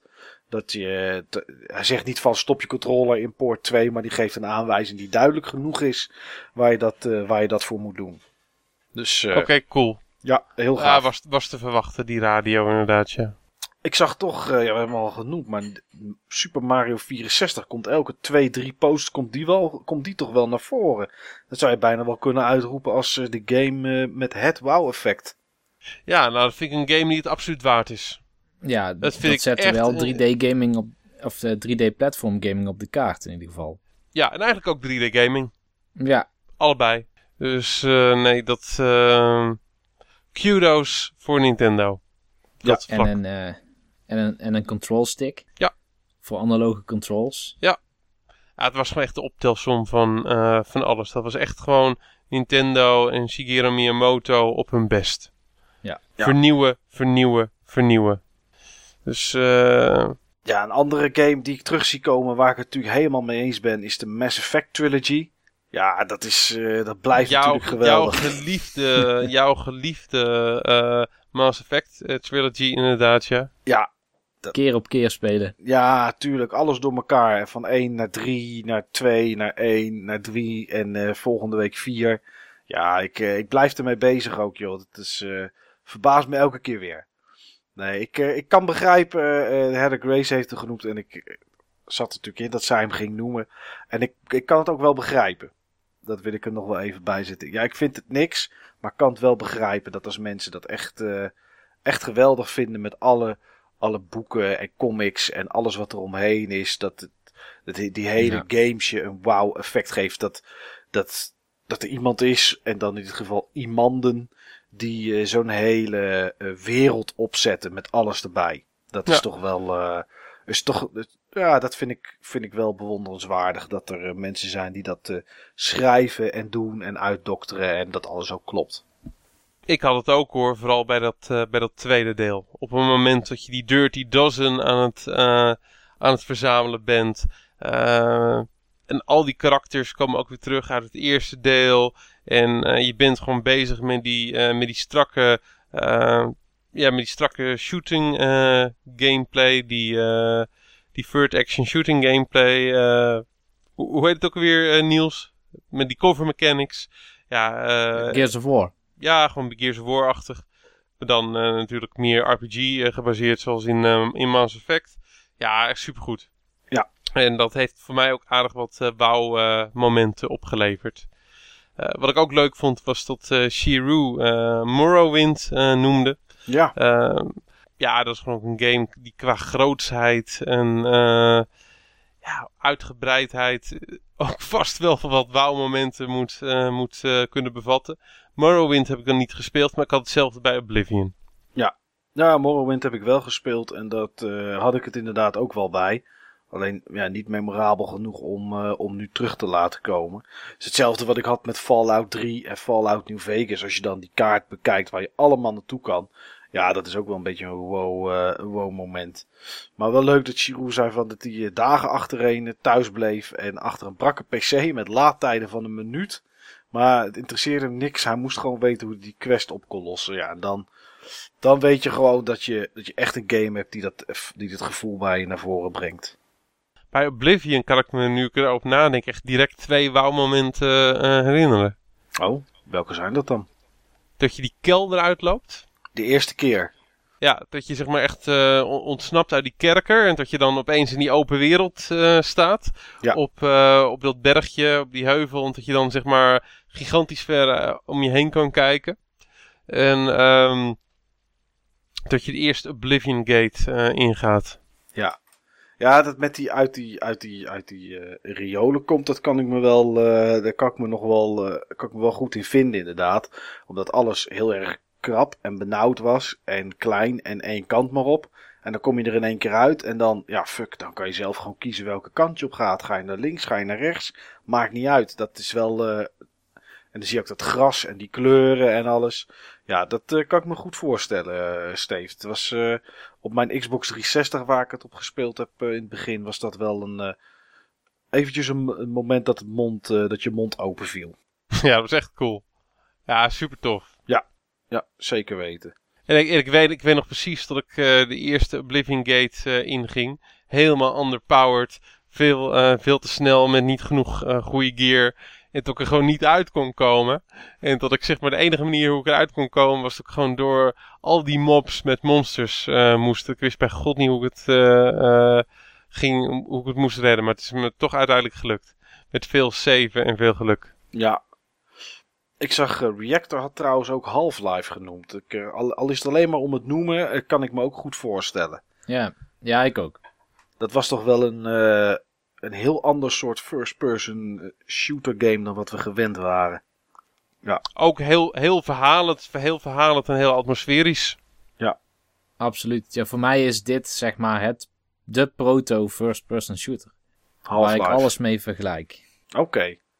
Nou, dan eh, heb je een hoop vergeleken door de jaren heen, Niels. Ja, Ja, ik, ik denk dat we dan eh, ja, de belangrijkste, in ieder geval de meest voor liggende, of de minst voor de hand liggende, in ieder geval de reacties die goed in elkaars lijn liggen van het topic op het forum wel hebben meegenomen, mannen. Ja, weet je wat het mooie is, Steve? Eh, van de week zag ik een, eh, een topic op eh, Pastebin. Dat was samengesteld door 4chan en door Reddit. En daar werd nog aan gesleuteld. Er, stond, er was een lijst van alle videogames ooit gemaakt.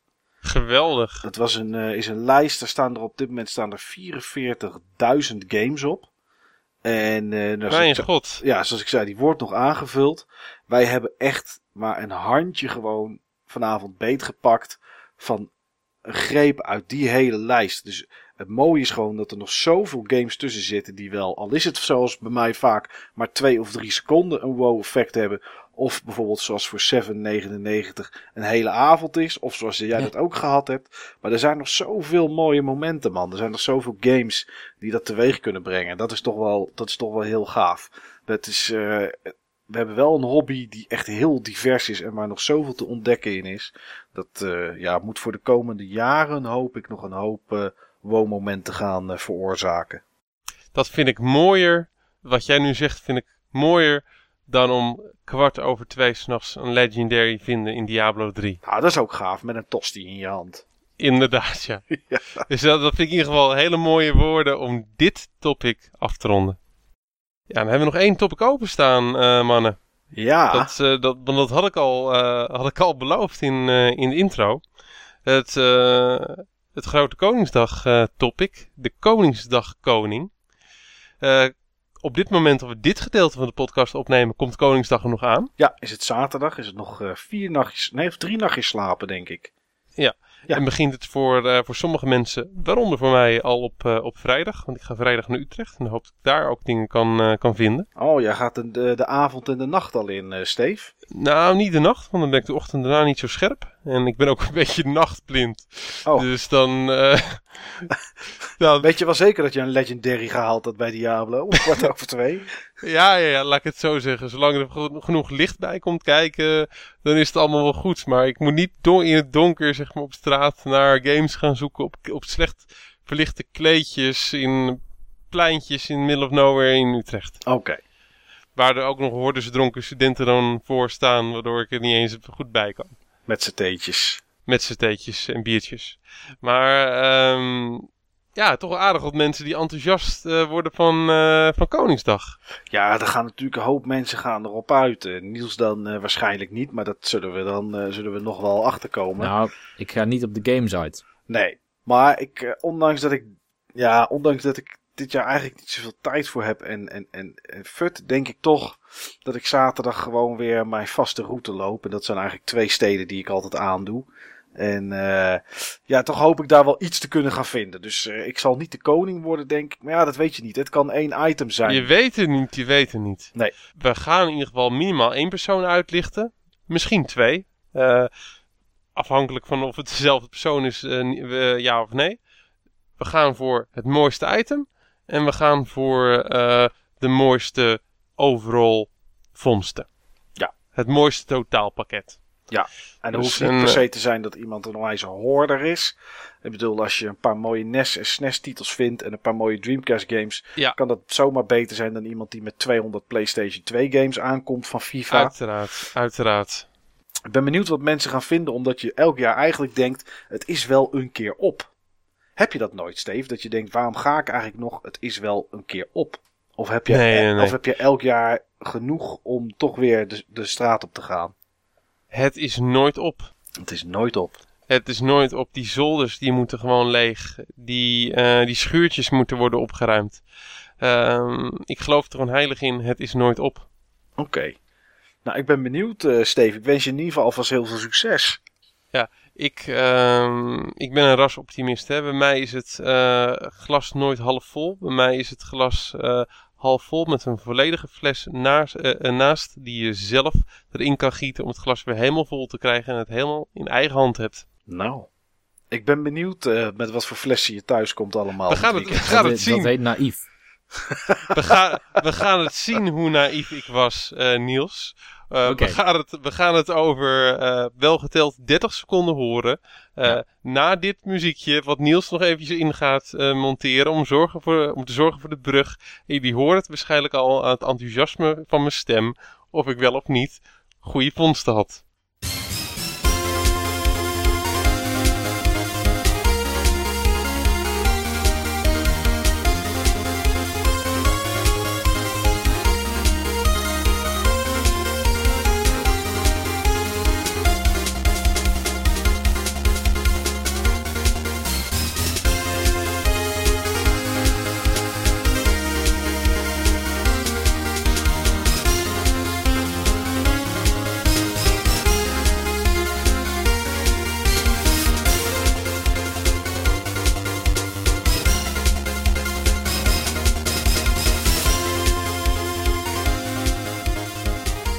Oh jongens, wat een eerste Koningsdag was dit. Man, Nou, ik, eh, ik heb er nog pijn van in mijn kuiten, weet je dat? Ik eh, heb ook geen benen meer over. Nee, en het is. eh, inmiddels zijn we al twee dagen verder na Koningsdag. En ik ben er nog steeds brak van. Ik, heb, ik wil ook zo gewoon ook weer slapen. En ik weet het niet, joh, wat het gedaan heeft met me.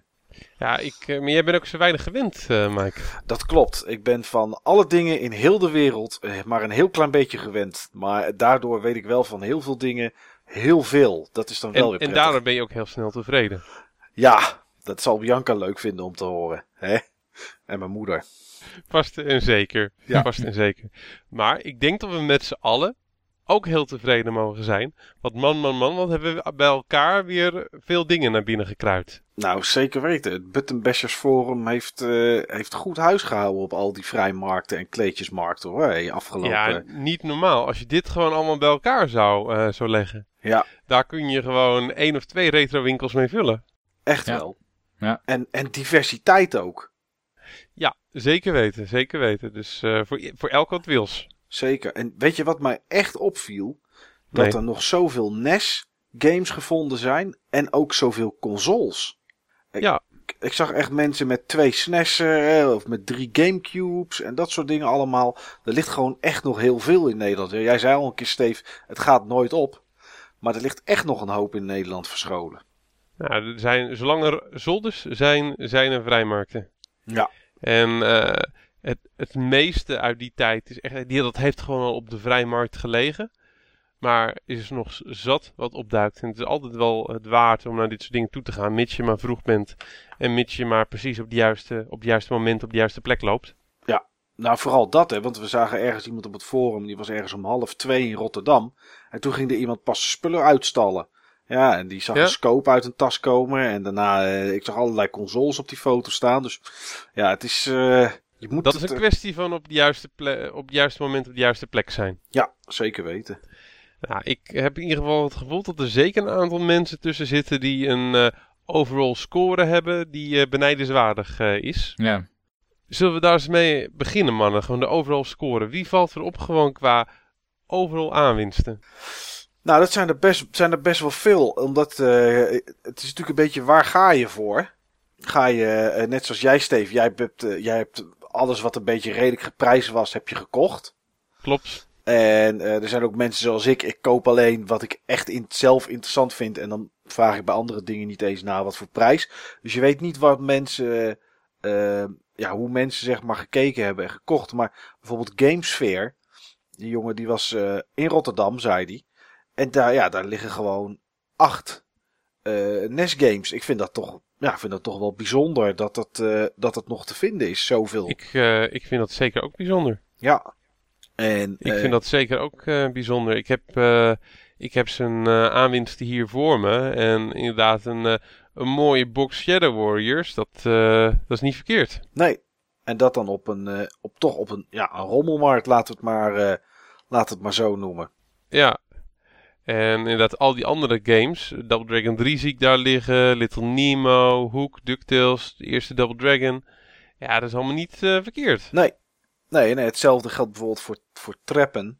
Daar zie Ja. ik eh, twee Gamecubes, eh, een Nintendo 64, een, een, een, een SNES. Eh, ik zie Super Mario 2, ik zie volgens mij de Turtles, Skate or Die gok ik dat het is. Allemaal voor de, voor, de, voor de NES. Ik zie iets van een Konami game, kan niet zo goed zien welke het is. Ja, dat denk ik toch, dat zijn, eh, dat zijn, dat zijn leuke scores voor zo'n Dat voor zijn eh, prachtige scores. Dat zijn prachtige scores. 1 euro per stuk heeft hij ervoor betaald, zie ik trouwens staan. Dat is, eh, dat is niet verkeerd. Nee, Wat me ook opvalt is ehm, hoeveel echt mooie edities je ook voorbij ziet, ziet komen. Ehm, Ruud had bijvoorbeeld een Nintendo 64, een Mario Pack. Eh, ja, het ziet er gewoon fantastisch uit, dan die, die Nintendo 64. Ja.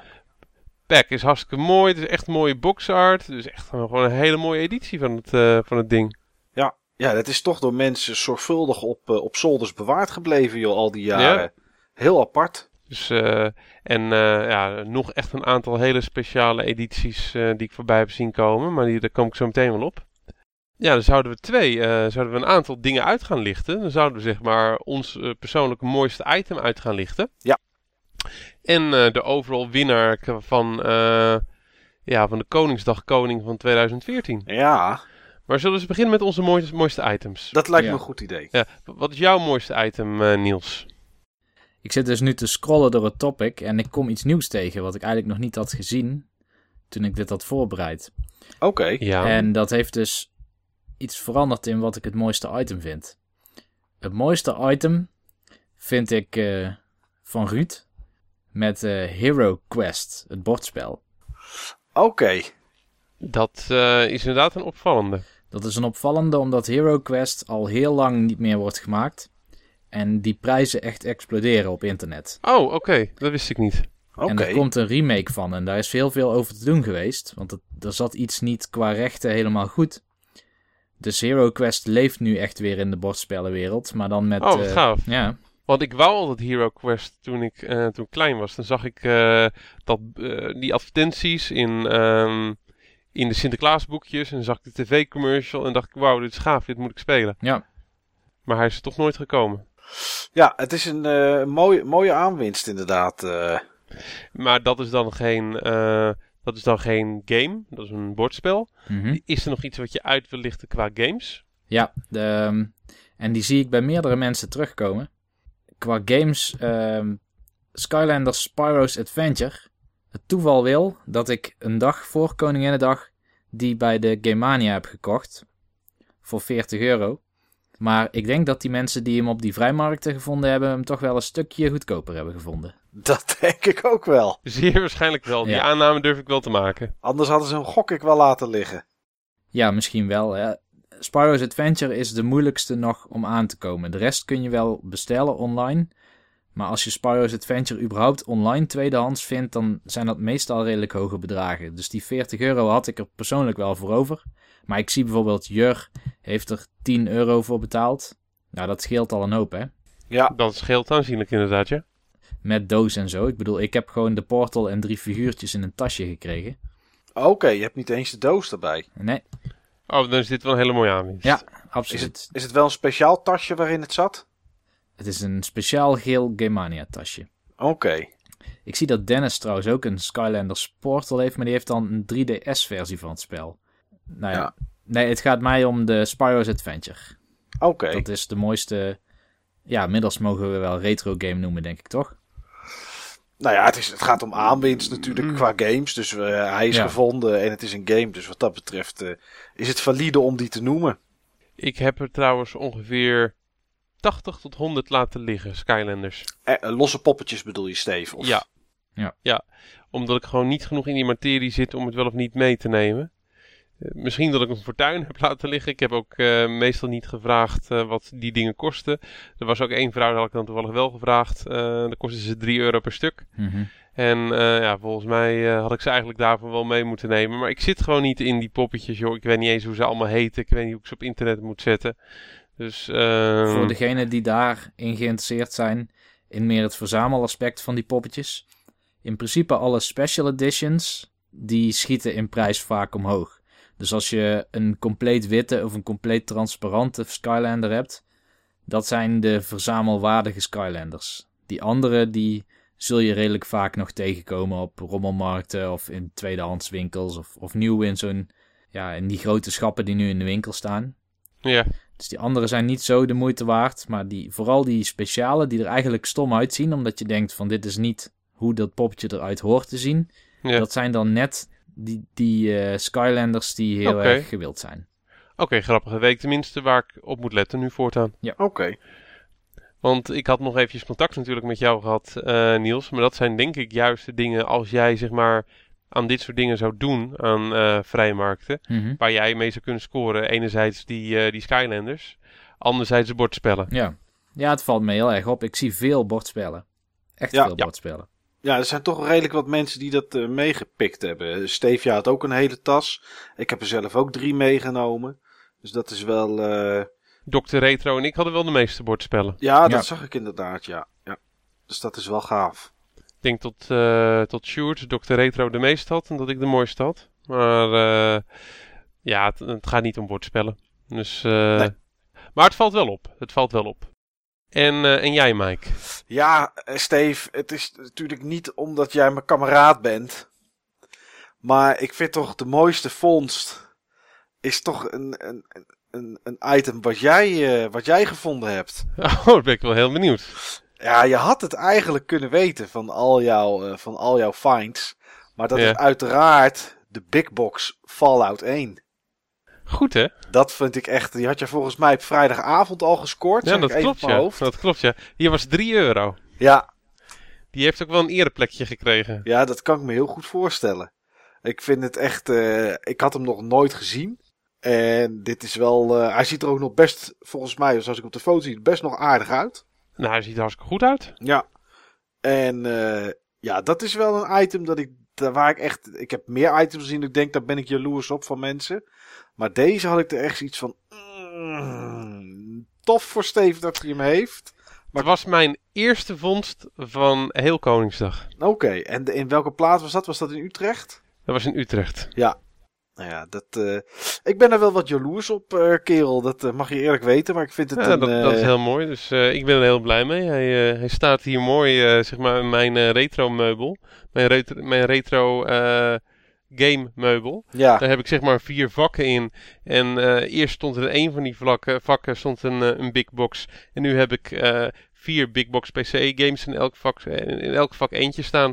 Diablo, Baldur's Gate, Fallout en Legacy of Kain Soul Reaver. ja, ja, dat kan ik me heel goed voorstellen. Dus ja, nee, dit was gewoon ook die box art zo met Brotherhood of Steel ding erop en alles. Ja, Ja. dat, is, dat is toch geweldig. Dus dat, eh, dat is mijn eh, ja, keuze qua Ja. mooiste vondst. Ja, wat ik dan toch wel heel erg grappig vond, Steve, was Ja. dat dat was op vrijdag hè, dat jij in Utrecht was. Klopt. Toen was ik er ook. Ik kwam thuis en ik zag dat ik jou had gestreetpast. Maar Goed, ik hè? ben Skylanders in een winkel wezen kopen en jij had hem misschien wel op de vrijmarkt gevonden. Eh, had goed gekund. Ja, Ja. Dus eh, ja, dat is wel. eh, ja, ik, eh, ja, Steve, ik vind het gewoon mooi. Nou, Ja. dat vind ik, heel, vind ik heel leuk om te horen. absoluut. En heb je wellicht nog een item, niet zijn van mij, wat je uit wil lichten? Ehm, nou, die had ik net wel staan, maar toen dacht ik, ja, ik kan eigenlijk niet gewoon anders dan, dan deze laten winnen, Steve. Dus die heb ik gewoon kaart weer weggehaald. Nou, dat dus is, ik, eh, eh, ik, heb, dat, dat doet me deugd. ik, heb, ik heb me netjes gehouden aan, eh, aan één item. En dan, ja, dan moet ik toch echt die, Is goed. Is goed. echt die, van jou, die van jou noemen. Oké. En jij zelf? Ja, mijn, ehm, mijn mooiste item. Je dat, hoeft niet per se iets van mij nu te kiezen, hè? dat weet je. Nee, ik, ehm, ja, ik, dat had ik wel in gedachten. Oh, Maar eh, ja, anders is het net of het doorgestoken kaart is. Dat heb ik bewust veranderd. Nee, ik, had, ik, ik heb hele andere items gezien. Sorry dat ik het zeggen moet. ja, nee, dat maar geeft je had, je, had, je had wel een paar leuke dingen. Maar ehm, Ik had ik ook heb- maar een paar dingen, dus wat dat Ja. betreft... Ja. dat. ik, ehm, ik heb eh, drie items. Ik smokkel dan eventjes. Want Oh. eh, ook, ik smokkel ook met een redenatie. Ehm, het allermooiste item wat ik heb gezien tussen alle mensen hun aanwinsten. Ehm, dat is voor mij het item waar, wat ik het liefste zelf had gevonden. Dat is eh, geen game item. Dat is ehm, een classic 80s toy van, eh, van Sparky. Die Sparky eh, gevonden heeft. Daar heeft hij meer van gevonden. Hij heeft een vintage Ghostbusters sticker gevonden. Een hele, een hele lijn aan nieuw inbox eh Thundercats figuren. Echt. En voertuigen. Echt super gaaf.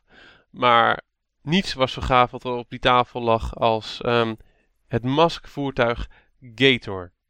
Ik was echt enorm fan van Mask. Ik was echt enorm fan van eh, zowel de tekenfilm als het speelgoed. Ik had er heel veel van, nog steeds trouwens. En eh, als ik zo'n figuur nieuw in doos zie liggen. En ik, waar ik zo vaak tegenaan gekeken heb in winkels. En waar ik zo vaak eh, van genoten heb in die tekenfilm. Dan denk ik van wauw. Dan ben ik gewoon weer eventjes terug in de jaren tachtig. Dus dan ben ik ook weer eventjes tien. Oké. En ehm, ja, dat, dat was gewoon iets op het moment dat ik dat gevonden had, had het echt een ereplaats hier in mijn game room eh, gekregen. Dus super mooie vondst. Vind ik zelf de mooiste vondst. Maar geen gamevondst. Nee. Dus dan hebben we ook nog zeg maar mijn mooiste gamevondst. Mijn mooiste gamevondst is een item wat ik zelf ook heb. Dat is een eh, item van, eh, van Retro Games. Dat is een, ehm, zo te zien, mint in box ehm, Super Mario, ja, All-Stars plus World Road Double Pack. Dat je zeg maar een, eh, een kaart hebt met zowel eh, eh, Super Mario All-Stars en Super Mario World. ehm, samen met een SNES in een mooie rode Mario doos. Volgens mij heet het de All-Stars Pack. En ja, die heb ik zelf ook. Dat is een van de duurdere edities die je kan hebben qua SNES. Mint in box. En eh, ja, ook een van de mooiste. En dat is gewoon echt voor een, voor een SNES-verzamelaar echt een ultieme vo- vondst. Super mooi ding. Het is niet voor niks dat ik juist die editie als eh, ja, boxed SNES heb. Echt een super mooie vondst. Ja. En dan heb ik ook nog mijn vondst met het mooiste verhaal. Dat is van Next Gen Evan. En eh, Evan die vond eh, op een gegeven moment een, eh, een zwart PlayStation doosje, een rental doosje. En dat doet hij open. En wat zit erin? Castlevania Symphony of the Night. Ja. En de manier hoe hij het vertelde, de verhalende manier en zeg maar de verbazing die hij schetste toen hij dat doosje opendeed. Oh, Symphony of the Night, Symphony of the Night. Ja, dat is gewoon leuk. Dat is gewoon leuk. En ik heb het doosje gezien. Het doosje stelt niet zoveel voor helaas. Dat is echt zo'n zo'n zwart rental eh, doosje. Maar dan doe je hem gewoon open en dan zie je gewoon echt een van de gaafste games ooit gemaakt eh, daarin. Ja, is gewoon tof. Ja. Ja, dat is wel. eh, dat zijn echt, echt bijzondere vondsten. Omdat je het, het- Ja, je verwacht het niet als je het doosje oppakt, natuurlijk. En. eh, En met name gewoon het verhaal. Het verhaal maakt het af. Ja, maar ik denk dat ook heel veel mensen die naar zo'n vrijmarkt gaan, dat die vrij veel haast hebben om heel snel alles te scannen, omdat ze overal als eerste willen zijn. Als jij dan de tijd neemt om zo'n doosje te openen waarvan je eigenlijk niet zo goed weet waar je naar aan het kijken bent en er zit zo'n bijzondere game in, ja, dan moet het toch wel heel gaaf zijn. Ja, nou ja, Ja. Ik, ik had er ook langs gelopen en ik had gekeken en had Bianca gezegd, schat, hier ligt iets. Dan had ik gezegd, ja, dat is niet interessant, het is een, eh, is een, is een doosje uit de verhuur. En dan had ik doorgelopen, inderdaad. Hm. Dus ja, het is een, eh, het is een goede leer. Dat zeker, dat zeker. En ehm, ja, ik denk dat het, dat ons eigenlijk ook op de beste leer eh, brengt. Eh, eigenlijk zeg maar de leer van, ehm, van de overall winnaar. De winnaar van Koningsdag Koning eh, 2014. Want daar hadden we vrij weinig discussie over van wie we daarvoor als winnaar zouden moeten uitroepen. Ja.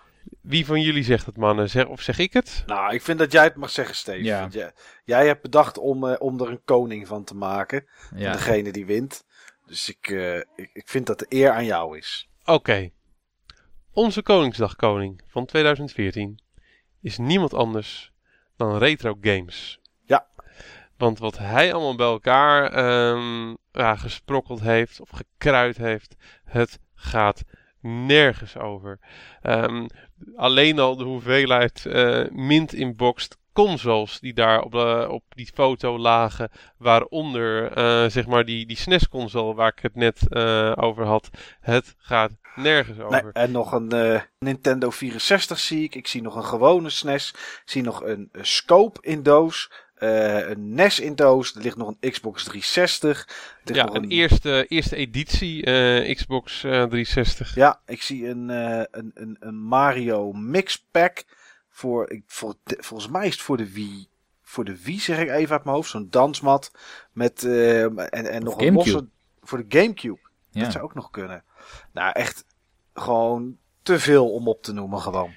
Ja, echt. eh, nou, toch nog wat dingetjes. Een hele lading NES games, waaronder zeg maar een aantal boxed games. Do, Tetris, Diggity Rock. Zelda 2. Gewoon een, eh, zo te zien, hele goede staat. Zelda 2 op, eh, op de vrijmarkt Ja. anno 2014. Eh, nou, voor alles wat daar ligt.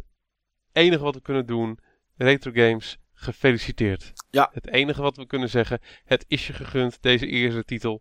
Eh, we hopen dat je hem weer volgend jaar met, eh, met veel verve gaat eh, verdedigen. Ik ga in ieder geval mijn best doen om van je te kapen, want dit werkt voor mij zeer inspirerend. Ja, voor mij ook. Ik weet waar ik volgend jaar naartoe ga. Ik ga naar het noorden als ik het zo zie. Wij allemaal. Ja, Wij allemaal. Maak je borst maar nat. ja. We komen, we komen je spul halen. we komen je spul halen, jong. Dus maar, eh, nogmaals, eh, waar we dit stuk ook mee begonnen. Wat hebben we met z'n allen een mooie dingen eh, gescoord? Ja, echt wel. Zoveel consoles, ah, ah, zoveel games. Bizar gewoon hoeveel er toch nog in Nederland rondslingert. Op, op, op, op zolders of in kelderboxen. Misschien ergens in storageboxen of wat dan ook. Het is, eh, ja, het is extreem, vind ik het zelfs. Echt extreem. Wat een leuke hobby is het dan op dit soort dagen met dit soort prijzen. Om dan eh, op pad te gaan en van alles te vinden. En wat baal ik als ik dit dan allemaal zie met wat ik heb laten liggen. Want er was, en dat zullen anderen ook gehad hebben. Ongetwijfeld dat je nu denkt. Voor die paar euro had ik gewoon nog meer mee moeten nemen. Want het lag er gewoon. Ja, ik ook hoor. Ik ook hoor. Maar op een gegeven moment ga je selecties eh, maken. Maar ik heb weer geleerd voor volgend jaar. Ja. Het was tof. Zeker weten. Het was tof.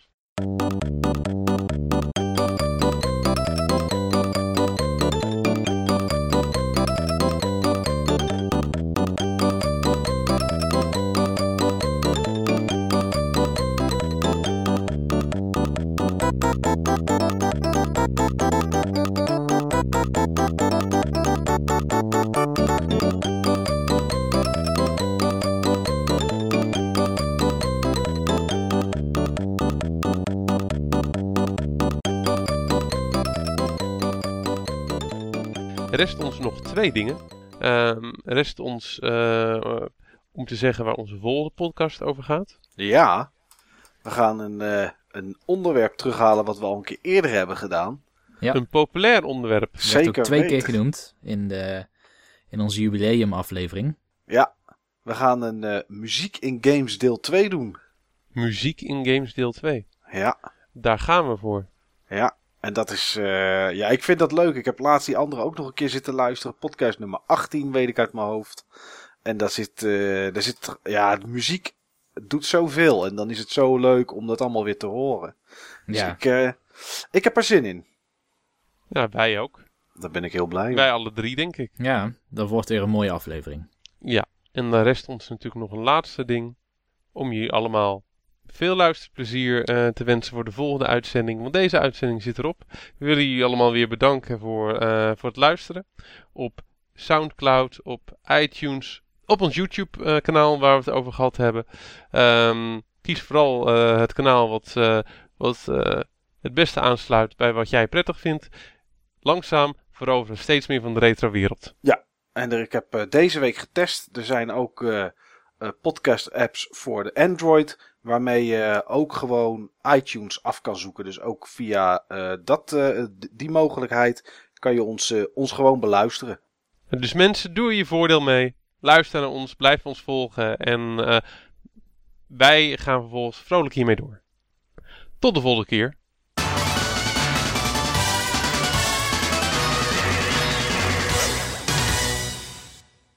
Maar dat zijn onze wauwmomenten. Ja, Sorry, die was iets te gemaakt. oh, highly trained professional.